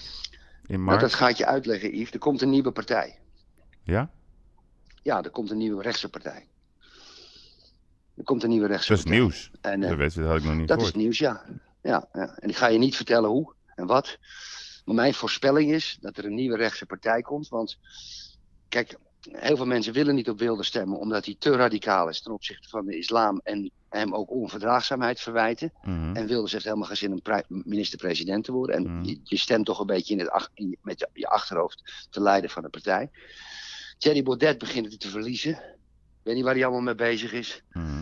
Die zit met zulke gekke gasten en gaat op de foto en zulke rare teksten. Dat mensen denken van ja, dat is hem ook niet. Dus er is ongelooflijk ruimte voor een rechtse partij. En dan heb je nog uh, Peppy en Kokkie, Otte en Krol. Die, ja, ja, die, dat ja, wordt niks, hè? Ja, dat wordt niks. Kijk, en, en dus er komt een nieuwe partij. En, eh, en die zal, dat, dat zal nog wel eens een dark horse kunnen zijn. Omdat die nieuwe partij waarschijnlijk wel in een coalitie kan. Want we blijven versplinterd kiezen natuurlijk. In een coalitie kan CDA, VVD, eh ChristenUnie. En wanneer gaan we dit D66 horen? misschien. Denk jij? Maandje, denk ik. Ja? Ja, ik heb er niks mee te maken hoor. Nee, nee, nee. Oh nee, laten we dat vooral niet zeggen. Maar je heb hebt het wel gehoord. Je hebt het wel gehoord. Ehm, en- 100 procent. Oké, dat, is, dat is voldoende, toch? Ja, ja. En, en een leuke naam ook? Heb je de naam al gehoord? Eh, ik laat hem even hangen, Yves. je bent al, Gert, je- Gert- Gert, wij hebben het hier nog helemaal niet over gehad. Ik bedoel, ik ben echt verbaasd. Dus normaal eh, Ja. geef je mij vooraf eh, ook wel inside information. Maar dit is dus... eh, Nee, heb ik dit keer niet gedaan. Ik vind het ook beter als we elkaar niet vooraf. nee, dat doen we ook niet. Weet je, ik vind, ik, Nee, ik we vind hebben de hele week niet gesproken. Ja, lekker, Nee, ik lekker. vind het fijn ik vind het wel leuk. Ik ben wel, ben, je hebt me wel geprikkeld. Oké. Ja. En Ja, meestal ja, klopt het daar- wel daar, wat je daar, zegt. Daar ben ik ook voor in dienst genomen. Ja, dat klopt. Dat klopt. Oké. Nou, Erik, we hadden, we hadden zelf een, eh, een hele leuke introductie eh, woensdag met, eh, met Johnny Heitinga. Leuk. Ja, we hebben alles omgegooid naar Masters. En ik moet je zeggen, ik had een beetje een positief verhaal. mouwen opstropen. En, en, en echt mooi om te horen. Mensen willen echt ondernemen, Erik. Ze hebben er gewoon zin Tuurlijk. Tuurlijk. in. Ja. Heb je trouwens nog, heb je trouwens nog ehm, mijn voorspelling van drie weken geleden gezien dat Davy Klaassen naar Ajax ging? Ja, ja. Ik, ik drie hoorde... weken geleden voorspeld. Ja, ik ben zelf... Ik En, zei, ze willen iets van 8 miljoen, begrijp ik. Dat werden... Nee, Ajax gaat een bod doen van 8 miljoen. Ja, ja maar ik denk wel dat dit, dit wordt, gaat 10 miljoen worden of zo. Maar ja, ik zelf vind het, ik vind Klaassen echt, echt veel minder als, als Van der Beek. Ik vind achteruit Je maakt een vergissing. Oké, weet maakt ik. vergissing. Ik heb ook niet overal verstand van. Ik denk dat Davy Klaassen, die, is, die was al goed toen hij bij Ajax speelde op zijn 23e. Die heeft natuurlijk die, nu die vier jaar, is op de top van zijn kunnen, 27, 28 jaar. En in Ja. zijn top van zijn lichamelijke vermogen. Heeft al die ervaring van Everton en Werder Bremen en nog een een of andere club. Ehm, ik denk dat het, dat het de beste speler van Ajax wordt. Ik denk dat het. Ik denk als, hij, als, hij, hem- als je hem goed de verantwoordelijkheid geeft, dat kan die jongen aan. Die heeft een, zeer goede mentaliteit. Overigens een uiterst nette jongen. Ja, keurig. Eh, dat, hij, dat hij natuurlijk niet de briljantie van Ziyech heeft, heeft, maar met zijn energie en toch zijn voetbalcapaciteiten kan hij op een andere manier Ziyech doen vergeten. Dat is mijn theorie. Oké. Ik vind het een geweldenaar. Ik vind het als Ajax Nee, moet hem nee, kopen. Ajax moet een, een, een, een verdediger kopen van 1,90 meter. Dat is wat ze echt nodig hebben. Ja, Nee, maar dan? dat is echt wat ze nodig hebben. Als je eh, het hele succes, als je ziet hoe die de ligt nu bij Juventus, joh, dat is nu, nu Ja, maar ze opeens. hebben, die, ze hebben die Limburger van Fortuna, die jongen. Ja, die moet je toch meer de kans geven. Die is hartstikke jong. Ja, ja, Die moet je toch meer de kans geven. is- ja. Ik weet niet. Het is Die grote, net- jonge, ja, frisse grote jongen. Ja, hij kan Laat- wel. Hij heeft wel een even- Ja, misschien. Oké. Ik was in het begin ook wel je- enthousiast hoor, over die schuur. Ja, maar die mag, die laten, je moet, die laatste mannen, hè, die zo jong zijn, die moet je ze hun fouten laten maken. Nou, we gaan het dat allemaal gaan doorgeven. Erik, de tijd Ja, is die, alweer... die, spitsen, die spitsen snap ik allemaal wel, Yves, die, die, dat die een bal missen, die worden beter. Maar de laatste man die een fout maakt, is gelijk een doelpunt. Maar het moet. Oké, oké, net duidelijke taal, Erik. Het is alweer eh, klaar, dus eh, ik wens je een goed weekend. Hou wel even de jongeren in toom, hè, de Nederlandse jongeren in Albufeira. Las ik ook weer iets over. wat Wat is het schandaal. Iedereen praat tuigjongen? erover. Iedereen praat erover. Triest, hè? Yves, fijn weekend. Fijn Groeten weekend. Aan de jouwen. Dankjewel, vriend. Bye bye. bye, bye. Ja, won Jip. Die was weer in dit nieuws. Want eh, ja, het beeld van Hazes eh, was gesloopt op de Dam. Kop eraf. En daar had hij er zo mooi aan meegeholpen aan dit initiatief om dat op de Dam te krijgen. Zijn er camerabeelden? Heb ik nog niks over gehoord. Ik ga bellen met Jip.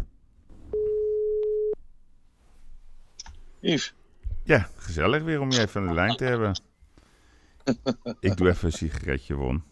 ja, Ja, die- jij ook? Steek hem op. Ja, ja, ja. hey, Ik zit al in de eindelijk. uitzending, hè? Wat?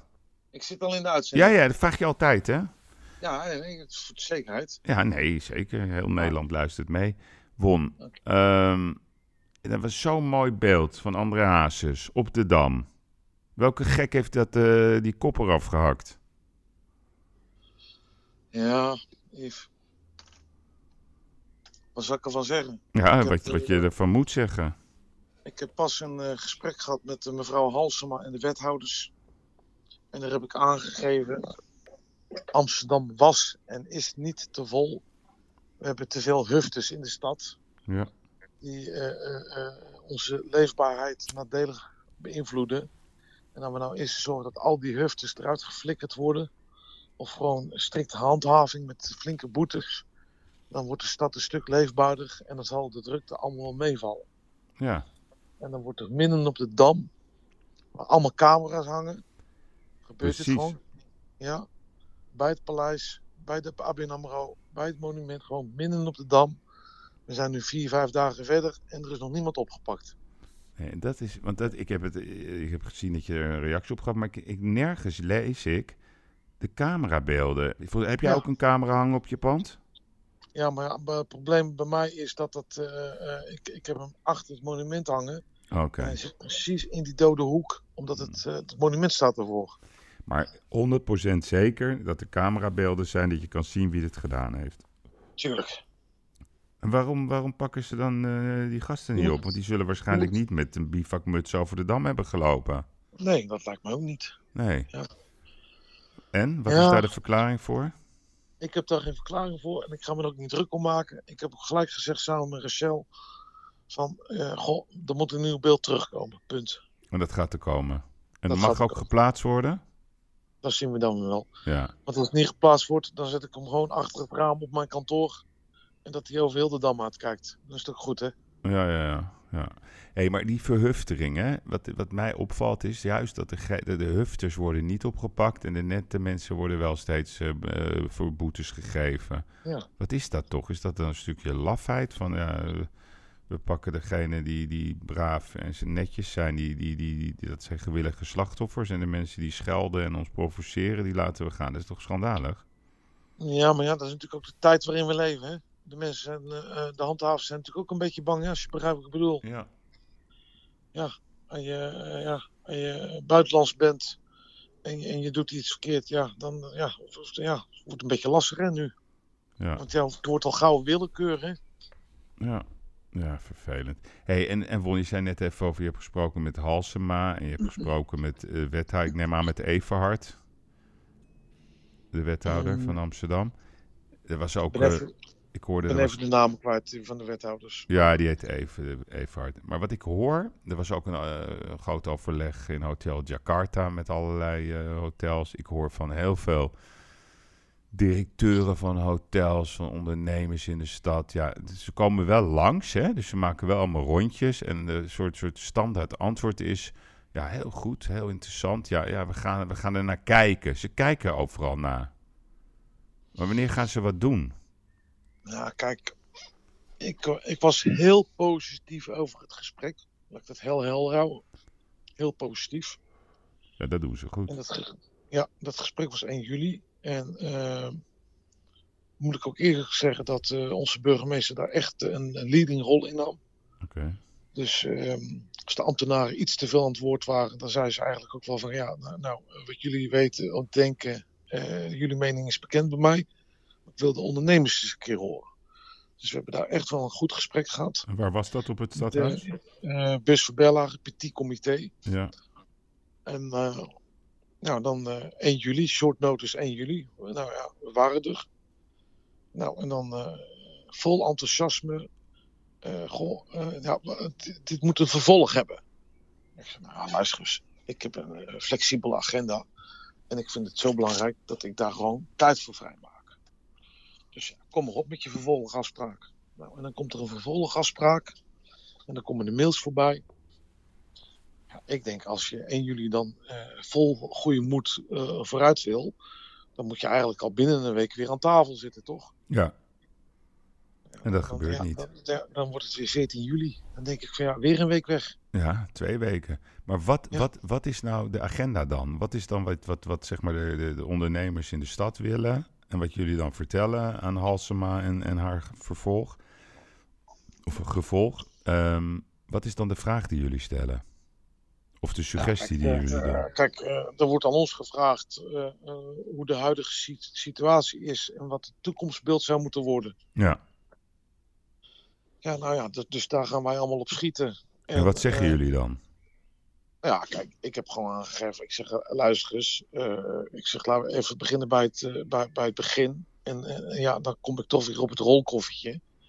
Ik zeg, door het rolkoffertje zijn de klachten ontstaan.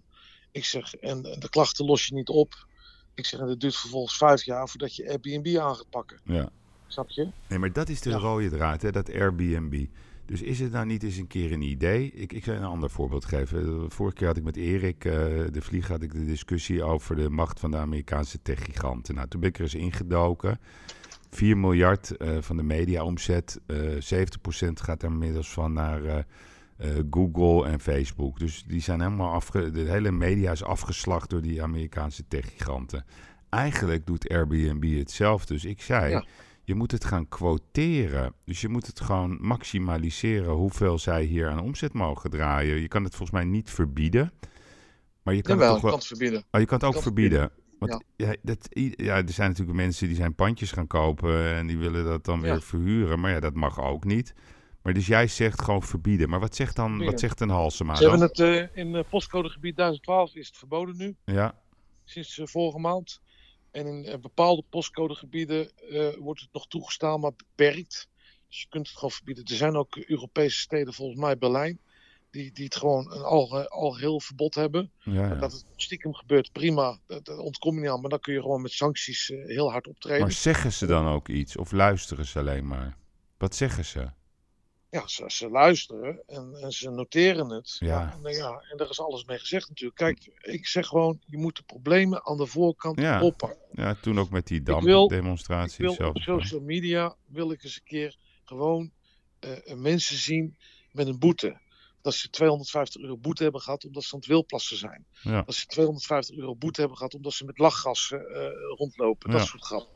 En niet meer de, de, de, de vrolijke foto's dat ze dronken door de stad lopen. En allemaal. Dat is allemaal een negatieve image voor de stad. Ja. Het is toch te bezopen voor woorden dat wij plaskruizen hebben gemonteerd destijds Ja. tegen het paleis. Ja, niet normaal. Ja, dan los je een probleem niet meer op. Dan, dan zeg je eigenlijk van je mag plassen, maar dan tegen die plaskruis. Nee, maar Wat denk je wat er gebeurt als ik bij Buckingham Palace kom bij het hek en ik doe mijn broek naar beneden en ik ga lopen pissen daar? Ja.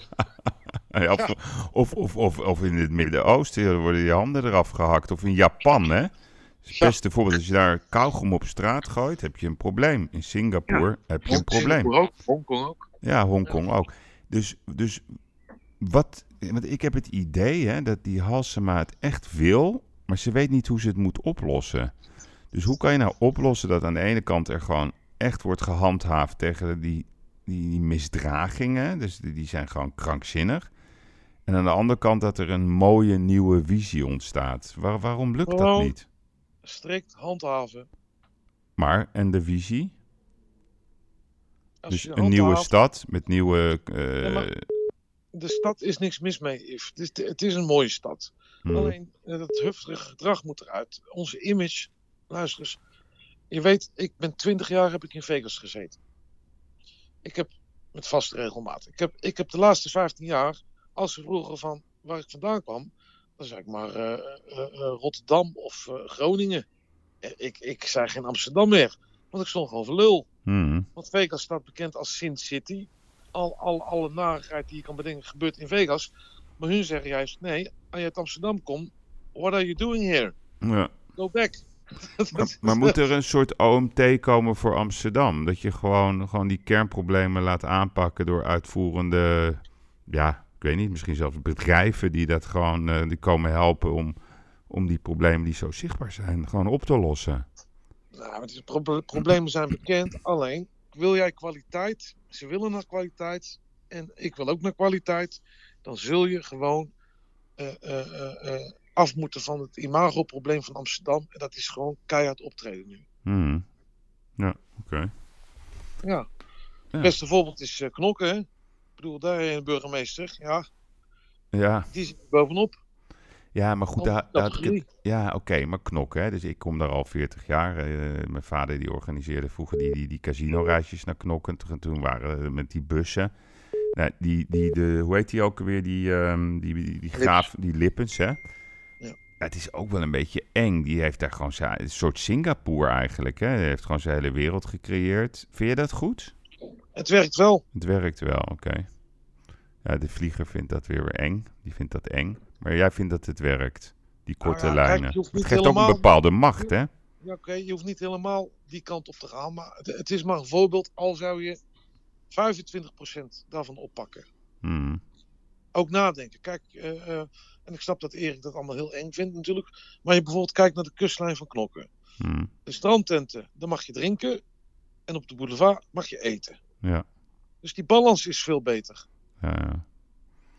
Maar wat ik zo grappig Daar vind... heeft hij goed over nagedacht. Ja, ja, dat klopt. Maar wat zo grappig is, toen, toen corona, ik, de criminaliteit nam af, jongeren gedroegen zich, die waren blij eh, als, ze, als ze ergens mochten zitten in een park met gepaste afstand en je laat het weer los en ze gaan zich weer misdragen. Wat is dat toch, dat die discipline maar niet erin komt? Bij, bij, bij toch, ja, ik wil niet een soort, soort wijze oude man worden, maar die jeugd, die moet toch eens een keertje gewoon meedoen met het verhaal. En ook, zeg maar, de wat oudere jeugd. Ja, maar het is natuurlijk ook de vrijheid die ze hebben. Het is natuurlijk ook de, eh, de welvaart die men Ja. kent. Natuurlijk. We ja. hebben on- on- ondanks de coronacrisis natuurlijk nog steeds welvaart. Ja, dat niet zeker. vergeten. Kijk, Nee, klopt. Je moet, je, je moet er eens over nadenken, Yves. Zowel jouw kinderen als mijn kinderen. Nou, wij krijgen ooit kleinkinderen. Hmm. Toch? Die lezen in de geschiedenisboeken dat onze kinderen, die hebben het wel heel zwaar gehad. Want die hebben in de kredietcrisis hebben ze meegemaakt. En toen ook nog COVID-19. Ze hebben het heel zwaar gehad, hè? ja. ja, nee, oké. Ja, ja. Nou ja, vul Ja. er maar in. Ja, nee, dat is duidelijk. Oké, meer De discipline. kredietcrisis is volledig aan ze voorbij gegaan. En tijdens de coronacrisis hebben ze 16 weken thuis gezeten bij de ouders. Ja. Zijn ze vet gemest door ons. Hebben wij als chauffeur elke dag eh, naar de Albert Heijn gemoeten om eten te halen voor die gasten. Om te vragen wat ze willen eten. Wat, ja, want ja, je wil ook niet elke dag hetzelfde eten. Hè? Je? Ja, dat was COVID-19. Ja, nee, duidelijk. Hey, en dan het, even ter, afsluit het laatste nieuws van Horeca Amsterdam. Stille, stille ellende? Drama. Ja, hè? Ja. Wat Kijk, is eh, het? waar- Ze- waar- min waar- 70 waar- procent? Nou ja, ik, ik draai nog redelijk goed. Ik, Hmm. ik zit op een eh, 50, 60. Maar ik heb ook nog een prijsreductie gehad van 20%. Ja, ja, oké. Dus als ik die eh, verkapitaliseer, dan zit ik op een 70, 80 Ja, eh, omzet. Eh, eh, dus min 20, min 30. Ja. Daar gaat het naartoe bij ons. Maar eh, eh, voor de rest, maar ja, kijk, wij zitten natuurlijk op A1-locaties. Dus wij betonnen ons traffic links en rechts. Ja. Maar eh, eh, En het wordt volgende kalf- week weer wordt het mooier weer. Dus Het dat kalf is verdronken. Yes, oké. Wat ik En hoorde... wat, Ja? ik- maar wat ik ook nog wel heel, heel, heel merkwaardig vind van onze overheid. In de nou, punt, nou 2.0 is voor vier maanden nu. Dus dat is juni, juli, augustus, september. En om het vanuit praktische overweging, iets anders kan ik er niet van maken als ik het lees, gaan ze de betalingen nu de voorschotten om de twee maanden doen. Oh. oh, dat heb ik nog niet gehoord. Aan bedrijven die het moeilijk hebben. Ja, ja. Dan moet jij eens voorstellen dat jij gewoon eind juli bij HR zegt van... Goh, het is misschien makkelijker, want die mensen hebben toch een contract. Waarom gaan wij gewoon niet eh, het salaris gewoon per twee maanden over? Ja, ja, ja. Nee, dat. Ja, nee, maar Ja. hoe verzin je het? Nee, dat is. eh, Maar wat ik ook hoorde, dat. ehm, want eh, ik weet niet, volgens mij is een derde van de horecaondernemers heeft volgens mij nog niet eens in de gaten dat ze gewoon loonbelasting moeten betalen. Ja. Ik hoorde wel dat, eh, dat, er al dat er al wordt gesproken om een soort, soort Grieks model te gaan toepassen eind van het jaar. Dat die belastingbergschuld gewoon afbetaald kan worden in vijf jaar, zeven jaar. En straks komen er nog kortingen ook. Wat op zich heb, logisch eh, is. Want Vanochtend, een, eh, vanochtend zag ik een, een brief voorbij komen eh, aan de ministers van Camille Oostvegel uit Maastricht. Ja. En die daar toch een noodoproep heeft gedaan. Want ja, de brieven van de Belastingdienst komen nu al binnen.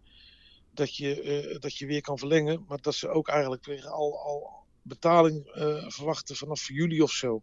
Ja, dat, dat, nou ja dat, dat zal de doodklap zijn voor minimaal 50%. Ja, nee, oké. En, en, en, maar dat heeft ook geen zin. Dus ze helpen de, de boel op gang, dan houden het in leven. En dan zouden zij degene zijn die het moeten omtrekken. Ja, dat, dat, heeft, dat werkt, gaat ook niet werken. Eh, ik mis nog steeds een saneringsplan. Ja, zal nee, klopt. komen. Nee, maar die gaat er ook niet komen. Oké, Won. Dankjewel. Ik, eh, ik, eh, ja, ik hoop dat de beeldenstorm op de Dam rustig blijft met Hazes. Huh? Hebben we nog een tip van Jip? Of? Ja, oh ja, de tip van Jip. God, goed zeg. Wat is de tip van Jip? Ik ga even Alles zitten. Ik ga even zitten. Want, Ja, zit- Vertel. Alles wat je nu koopt of huurt, is te duur. Oké. En leg die even uit. Ja, omdat er gewoon een kalslag komt. Dus die prijzen gaan omlaag. Oké, dus jij zegt niet kopen, niet huren. Dat is wel een eh, winstwaarschuwing voor de hele economie. Niks. Ook niet eh, auto's kopen. Want ja, kijk, en daar komt het dan weer. Als de mensen 100% salaris ontvangen, hebben ze niks in de gaten.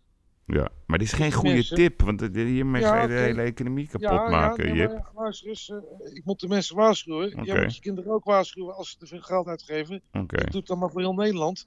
En, het is, en dan roepen ze weer, goh, wat is die negatief? Nee, ik ben realistisch. Oké, nou ik ga, deze, ik ga dan de tip, mijn tip eraan koppelen. Wel kopen, wel huren, goed onderhandelen. Mag die ook? Eh, eh, dan eh, moet ik zeggen, heel goed onderhandelen. Oké. is goed. Ja? Oké, dankjewel. Bye bye, wond tot snel. Hoi. Hoe zou het gaan met Mickey Hoogendijk? Ze is van de week eh 50 geworden. Dus ik hoop dat ze een eh, mooie verjaardag heeft gehad. Maar ik ben vooral benieuwd of ze weer zaken doet. Of ze weer gewoon handel drijft. Ze heeft een eh, expositie gehouden, maar werd er ook verkocht.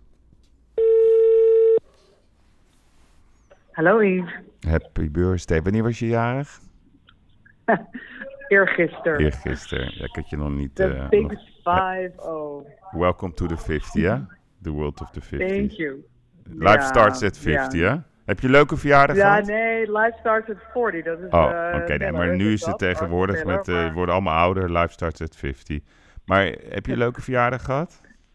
Ik heb een fantastische verjaardag gehad. Ik zou, ik wil het eigenlijk heel groot vieren dit jaar. Echt groot. Dat, ja, dat gaat gewoon niet. Je kan niet eh, je 50 met een paar honderd mensen vieren. Dat niet eindigt in heel veel gezelligheid en knuffel. Dus ik wilde ontvluchten. Eh, even het land uit, even weg, even bij iedereen weg. En dat heb ik gedaan met eh, een hele bijzondere in Engeland. Mm, Dus eh, ik ben nog steeds aan het bijkomen. Oké. Oké. Heb je je misdragen of ben je netjes geweest? Ik misdraag me altijd. Oké, heel goed. Dat is Ik belangrijk. weet niet wat je daarmee bedoelt. Maar... Niks. Dat mag je zelf, mag je, mogen we zelf allemaal invullen. Ja. Hey, en je hebt ook een beetje gereisd, hè? Want je was in Londen. Hoe is het daar? Ja. ja, nou dat was dus wel interessant. Kijk, laten we even beginnen met de disclaimer. Ik ben natuurlijk geen viroloog en ik, heb, eh, ik reis heel veel. En ik geloof in de oorlog is alles verantwoord. Dus op een gegeven moment moet je ook... Waar ben je trouwens? Je- Ik hoor Ik beetje... zit nu bij... Ja, het is, ja, ik kan er niks aan doen. Ik zit bij een kapper in Amsterdam. Oké. En mijn, mijn weekschedule is zo verschrikkelijk eh chaotisch en druk deze week. Dat het moet even zo vandaag. Oké, oké. Ja, nee, maar dan weten we het. ik denk, ik ga het even duiden wat er aan de hand is. Dus ben je al Ik ben geknipt aan of het nog niet? multitasken. Nee, Ja. dat is hij nu aan het doen. Ah, oké. Heel spannend. Oké, oké. ik moet even stilzitten en zo. Ja, oké. Maar eh, het reizen naar Londen was. eh, ja, ik heb, ik heb wel een paar opmerkingen, moet ik zeggen, die ik niet echt snap. Als we dit met z'n allen goed willen doen, dan vind ik dat deze wereld echt heel erg verkeerd bezig is. Met de regels die we wel en niet naleven. En hoe we elkaar kunnen helpen om dit op een goede manier op te gaan lossen. Want vliegen moet dus gewoon kunnen. Mhm. Maar het is natuurlijk absurd iets dat ik een vliegtuig in mag stappen zonder dat bijvoorbeeld mijn temperatuur wordt opgenomen. Ja. Dat zou toch het minste moeten zijn wat ze doen? Ja. Het minste. En dan moet je wel met een mondkapje op zitten in een vliegtuig. En je hebt handschoentjes aan als je zelf nog wat slimmer bent. En misschien nog een grote bril op, zodat die aerosols niet via je ogen binnenkomen. Ja, klopt ook. Maar vervolgens krijg je dan een hapje en een drankje. Al die mondkapjes hangen op hun kin en iedereen gaat gezellig kletsen. En dan denk ik echt, ja, wat is dit voor een theater? Wat Mhm. is dit? Oké, en die dus temperatuur, dat doen ze niet. Nou ja, temperaturen, duidelijk. Ben ik mee eens. Ja, en eens. het is echt niet moeilijk. Het is Nee, één klopt. apparaatje. Ja, klopt. Dus ik begrijp dat niet. Ik Nee, maar dat, is, ja, maar dat is echt. Ik ben zelf op Ibiza geweest. En nou, ook gewoon, was een leeg Schiphol. Wel een mooie ervaring was het, moet ik zeggen. Ik vond het wel gaaf om dat mee te maken. Nou, mondkapje in het vliegtuig, inderdaad.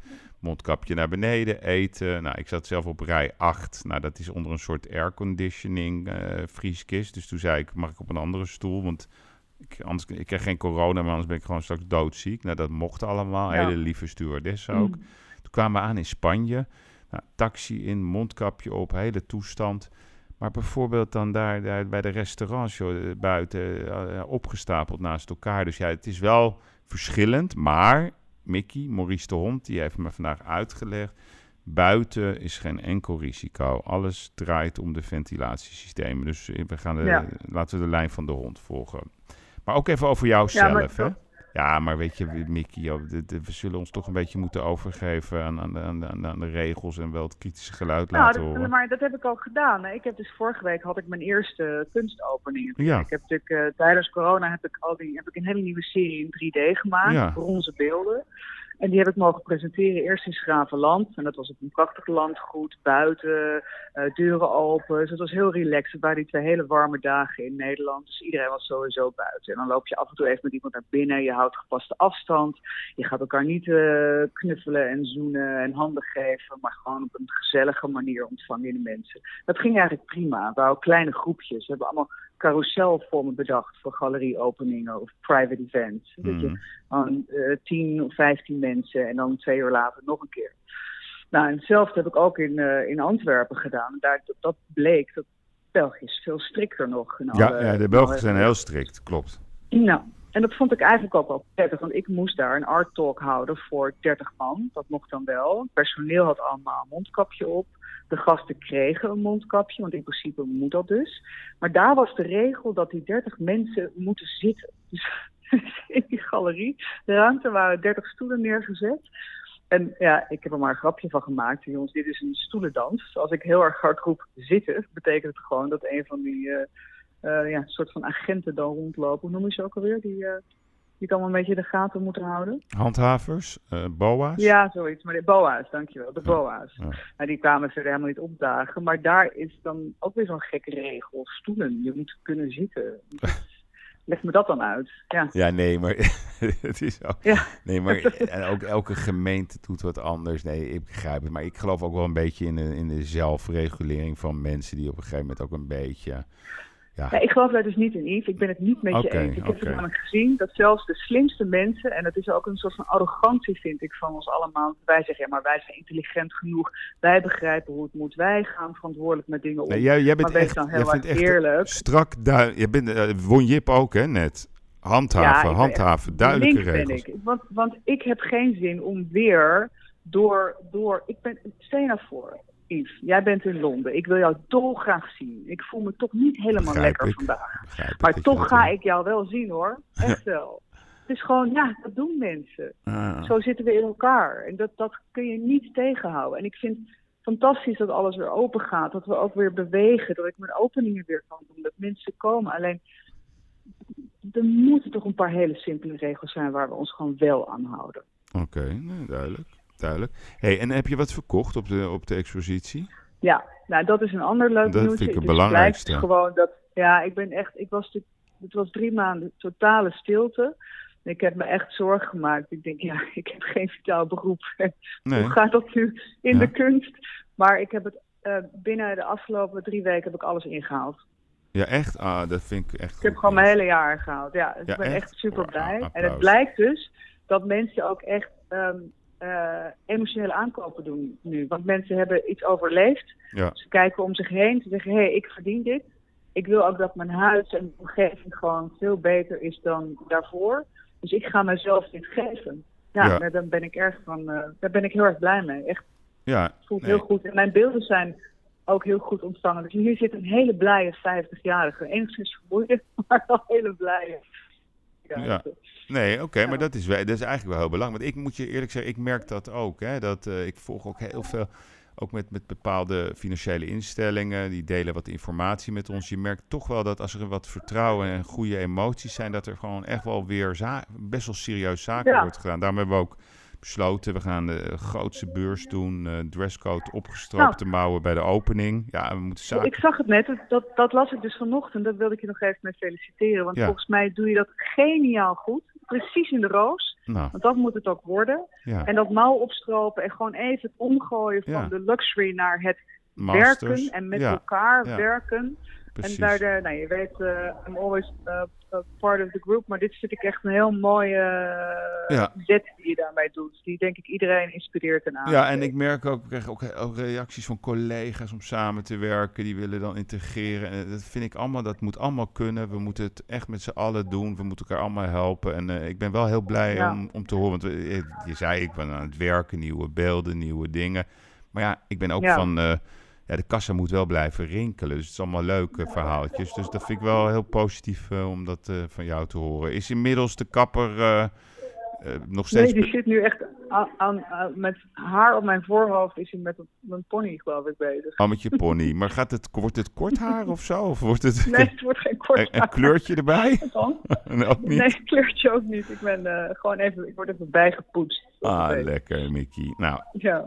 Oké. Ja, het was eh, een hele drukke podcast vandaag. Dus ehm, ik vind Geloof het, ik. ja, mooi, eh, duidelijk, Londen, eh, En- handhaven, discipline. Ja, we zijn Ja. ook een beetje een oplossing op zoek hè, vandaag. Dus Ja, nee, maar ik, ik geloof gewoon, ik geloof in de goedheid van de mensen, maar niet in de slimheid van de mensen. oké. En ik vind echt dat die temperatuurmeting, dat gaf mij zo'n veilig gevoel. Ja. Toen ik ergens binnenliep, wist ik gewoon, oké, hier zit niemand met koorts. Ja. En ik vind het gewoon niet kunnen dat je me een vliegtuig in laat gaan.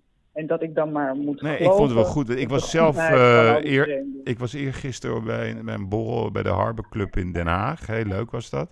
En dan moest je ook gewoon eh, je hand voor zo'n ding doen. Ik had 35,8. Dat lijkt me een beetje Ja. weinig. Een beetje heel weinig. Ja, koud, eh. toen dacht ik, dat kan heel- goed? ja, precies. Ik denk, dat heb ik nog nooit gehad. Dus denk dat daar een correctie naar boven in moet. Maar dat, Ja. moet, dat moet allemaal te doen zijn. Oké, blijf je lang nog in Amsterdam even? Ehm, nee, ik moet terug naar huis. Ik heb, morgen heb ik nog een opening in Woerden. Oké. En eh, ik spreek er volgende week. Ik heb een paar prachtige documentaires gezien waar ik het met je over heb. Wat iedereen moet gaan kijken. Maar daar hebben we het dan wel Oké, dat wordt een mooi. Ja? Dat hoor ik graag. Dankjewel. Succes vandaag. Bye bye. Hoi hoi. Oké, bye. Ik ga bellen met eh, Karsten Klint, onze vrolijke noot. Hij heeft altijd eh, heerlijke tips voor ons eh, over hele mooie, bijzondere restaurants. Heeft hij ook weer nieuws? Gaat er iets nieuws gebeuren? Het zou zomaar kunnen. Maar ik ga even bellen met Karsten. Hij weet, hij weet altijd meer dan ik op dit gebied. Moet ik master zeggen nou eigenlijk? Ja, master. Ja. Ma- master. ja. Nee, daar moet je mee oppassen. daar mogen we ook, moeten we wel mee oppassen. Zo, Ja. jongen. Ik had net ehm, eh, Maurice de Hond eh, uitgebreid gesproken. Wel heel boeiend, Zo. hoor. Ja. Ja, dat duurde lang zeker. Ja, nee, maar hij heeft wel, hij heeft wel een goede punt hoor. Ik denk ook zeker voor de horeca. eh, hij onderbouwt wel de gedachte. Ja. Ja, Hey. we luisteren elke week naar Maurice, moet ik zeggen. Ja, nee, ik ben. ehm, ik, ik vind wel, wel goed wat hij aan het doen is. Ja, Karsten. Jij Ja, bent Yves. altijd de vrolijke noot van onze vereniging van, van dwarsdenkers. Nou, gelukkig maar. Ja. Eh, daar, gaan we, daar gaan we ook voor. Ja, dus jij De bent de, de, de, de, de tip van Clint. We hebben de tip van Ja. Jip, maar ja, ik wil ook de tip van Clint. Waar gaan, we, waar gaan we lekker eten? Waar gaan we lekker eten? Nou, eigenlijk is die elke podcast wel zo'n beetje voorbij gekomen dankzij jou. Oh. Maar we gaan het natuurlijk over aan de pool hebben. Ja. Stefan van Sprang en Robert Veuger Ja. hebben elkaar in 2007 bij eh, Ron Blauw leren kennen. Tenminste, al eerder eigenlijk in 94. En daar hebben ze fijn samengewerkt. En eh, in 2007 zijn ze dus aan de pool begonnen, aan het gelijknamige water. Wat eh, om de hoek lag eh, bij jouw voormalige hoofdkantoor. Ja. Ehm, ja, ik denk een, een outsider voor drie sterren. Ze hebben twee sterren gekregen. In 2009 de eerste en in 2013 de tweede. Ja. En ja, als we het nou toch over Masters hebben. Het leuke is dat Stefan in 2018 een van de presentatoren was van Masterchef Nederland. Ja, kookprogramma wat in 52 landen wordt uitgezonden. En in het Guinness Book of World Records staat. En toen dacht ik eigenlijk van Yves, waarom staat Masters Expo? eh, daar moeten we ook wat mee met het Ja. Guinness Book of World Records. Toch? Ja, ja oké, dan gaan we het doen. Maar ik, zei ik was woensdag eten bij, bij, bij Stefan. Ja. En ehm, het zit, zat gewoon helemaal vol. Er kon, Ja. Ik had namelijk de dag ervoor gebeld en nou, dat kon niet. En toen bel ik zei, alsjeblieft, ik, want ik ga met een goede Ja. vriend en eh, we willen even wat zaken doen ook. Nou, hadden ze nog een tafeltje kunnen regelen. Helemaal vol. Ehm, gezellige sfeer. Swingt. zijn, het swingt. eh, wat ze ook doen, vond ik ook slim. Eh, ze hebben gewoon zelf een minuutje bedacht. Ja, ze, doen, ze praten erover, ja, plantje dit, zusje zo. Ook dat losse, hè, ondanks dat het Ja. twee sterren is. Dus ook dat hele informele gevoel. Ja, ik vind hun wel, zeg maar, eh, de keuken van de toekomst, maar ook de manier waarop, waarop ze het doen. Het is zo, zo ontspannen en, en je hoeft echt, als je gewoon je beheerst qua wijnkeuzes, is het ook nog eens prijs... ja, nee, maar dan is het ook nog prijstechnisch gewoon heel sympathiek. Klopt. Ja, ik ga helemaal mee. Top. Ja, het, is Ja. een, het is een van mijn favorieten, hè, maar dat, eh, dat, Nou. wist, dat weet je misschien wel. Oké. Daarom moest hij er ook in. Lang Daarom leven aan de pool. Lang leven aan de pool, maar daarna gaan we naar Antwerpen toe. Want we gaan naar eh, de Jane. Nou, daar zijn we natuurlijk ook een keer geweest. eh, ik denk eh, misschien wel acht jaar geleden. Toen eh, Sergio op de cover stond van het blad. Ja. We hebben een hele mooie presentatie gehad destijds. Nou, het is natuurlijk een fantastische zaak die door Piet Boon is getekend. Ja. Met die eh, 800 kilo wegende kroonluchter met die 150 lichtjes. Oké. Nou, Sergio die, die concentreert zich eigenlijk op de zaken in Katzand allemaal. Ja, Dus, dat is Air- Air Republic, Air Republic. en Inderdaad. Nou, hij, heeft, eh, hij gaat eigenlijk de 14e in Antwerpen nog een zaak openen. Le Pristine, Italiaans concept. Daar is hij nu al aan Hij zou het rustig aan gaan doen. Ja, dat klopt Dat helemaal niet. Dat, kan toch? Dat Dat, kunnen die grote, grote chefs toch helemaal Nee, niet. nee, precies. En de Ron Blauw precies hetzelfde. Nou, de een na de andere zaak eh, opent hij. Ja. Maar in de Jane staat Nick Bril. En Nick Bril die is jarenlang de rechterhand van Sergio geweest in Oud-Sluis, drie sterren. Ja. En die zijn gewoon als echt volwaardige compagnons begonnen eh, met de Jane. En eh, ja, tegenwoordig is, is Nick gewoon verantwoordelijk, zakelijk en culinair voor, eh, voor de Jane. En die staan ook elk jaar weer in de World 50 Best Restaurants. En ze zijn ook dit jaar lid geworden van Le Grand Table du Monde. Nou, dat zegt het al. Mhm. Dat is gewoon de lijst van de, de, de topzaken over de hele wereld. Dus ja, dat is ja. wel... En, wat, ja. en even dan even, hoe, want het is, ik krijg best wel vaak vragen ook van mensen die Ja. willen dan eh, lunchen bij de Jane of dineren. Maar dat is best moeilijk om daar, eh, dat is een soort luxe probleem om daar een tafeltje te krijgen. Heb jij nog een tip hoe je daar, hoe je daar zeg maar ook echt een tafeltje Nou, het kan probleem... krijgen? Nou ja, je hebt altijd ook een keer, jij hebt het ook een keer gedaan. Dan bel je mij. Oké, dus dames en heren, bellen met Karsten. Ja, en dan komt nee, het maar goed. Oké. Eh, ehm, Oké. En het leuke is, hij heeft wel nu... Kijk, boven waar wij die presentatie hebben gehad toen van jouw blad met Sergio op de cover. Ja. Het was in de upper room. Ja. Eh, daar hebben ze maar heel weinig plekken. Dus wat heeft eh, Nick nou gedaan? Die is aan de Scheldekaai in Antwerpen is die een pop-up eh, begonnen. Ja, met open vuur. Ja, fantastisch. Oké. Dus, ja. En dan de derde. De laatste tip. De laatste tip. Dat is eigenlijk een verrassende. En eigenlijk is dat restaurant nog niet open. Eh, maar gezien het feit dat deze chef eh, de jongste Michelin-sterrenchef van Nederland eh, werd. En in het Westland zat. Mhm. Toen is hij naar Rijswijk gegaan. Dat is failliet gegaan. Hij was de eerste die die stekker er heeft uitgetrokken met de crisis. Nuffen Koens, toch? Niven, Niven Kunst, inderdaad. Een Michelinster. Staat bekend om het gebruik van zijn groenten. Hij heeft echt de 80-20 kookstijl. 80% groente, 20% vlees, vis. Ja. En eh, dat hij gaat terug naar waar hij ooit begonnen is, in het raadhuis in Wateringen. Nou, het Wateringen heeft natuurlijk een heel groot achterland met, met alle kassen. Ja. Dus veel groenten. Ja, Westland, en, hè? ehm, het Westland. En eh, hij gaat nu eh, daar opnieuw openen. Hij neemt dus het raadhuis over en hij gaat het omdopen tot triptiek. Geen idee wat het betekent. Maakt maar dat geeft ook helemaal niet. Een mooie naam. Ehm, dus dat is eigenlijk wel iets waarvan ik zeg, nou, die gaat 1 augustus open. En eh, de reserveringen die kunnen al gemaakt worden. Maar dat is echt weer zo'n een, een, een jonge rebel. En, eh, Mooi. Hij is een, Nou, dan, ja. ik, dan, dan- ja, je weet, ik ga altijd zeggen eentje. Ik ga naar een triptiek. Dat is, Ja. eh, want die ken ik nog niet. Te gek. Ja. Helemaal leuk. Nou, Oké. dat, eh, nou, dat waren ze iets. Ja, het is een hele drukke podcast vandaag. Dus ehm, ik eh, wil je weer bedanken, Karsten, voor, eh, voor de Graag gedaan. eerlijkheid. En, eh, en stay Oké. strong, hè. En ook met je eigen... zien elkaar snel. Ja, ik ga ook even ook jou een beetje promotie voor jouw mooie zaak waar je kan eten en, en, en kan zingen. Dat kan mij gewoon reserveren. Kan je dat even uitleggen hoe dat werkt? Dat ook. Nou ja, kijk, je hoeft er zelf niet te zingen, gelukkig. Nee, dat, dat, eh, dat, eh, doet, de- dat doet de bediening al 25 jaar. Met mondkapje of zonder? Zonder mondkapje, zonder mondkapje. Dat is allemaal niet nodig. We hebben ook HPA-filters, eh et Ja, dat is helemaal het nieuwe, nieuwe woord, Ja. de HPA-filter. Ja, nou, Ze hangen er al jaren, want ze zitten in een oud bankgebouw. Dus, eh bij hoe, Pasta doe, hoe doe je dat? Hoe we dat doen? Nou, gewoon Eh, reserveren bij jou? Ja, ja, gewoon, ja, mag ook, tuurlijk. Iedereen mag Nee, maar app, eh, gewoon eh, online of zo. Je mag promotie maken vandaag. Ik ben Ja, een goede oh. bui. Ja, dat zal Jolijn fijn vinden. Nou, gewoon online, pastaebasta.nl. In Amsterdam. Helemaal goed. In Amsterdam. Oké. Oké. Dankjewel. Dankjewel. Dag Karsten. Oké. Tot snel. Bye Dank bye. Hoi, hoi, hoi. Ja, dit was eh, weer eh, een 1-2'tje met Yves. Podcastshow The Gigs. En eh, ja, het was een hele onderhoudende show. Ik kreeg er ook wel energie van. Ik hoop jullie ook. En volgende week zijn we terug. En u kunt ons blijven mailen. Dat helpt heel goed. Op nivrijrat.nl en ook eh, via onze kantoor info at mastershq.nl, dus HQ. En eh, we nemen dan altijd mee wat, eh, wat de wensen en de suggesties zijn om een betere show te maken. Ik wens iedereen een heel fijn weekend en tot volgende week.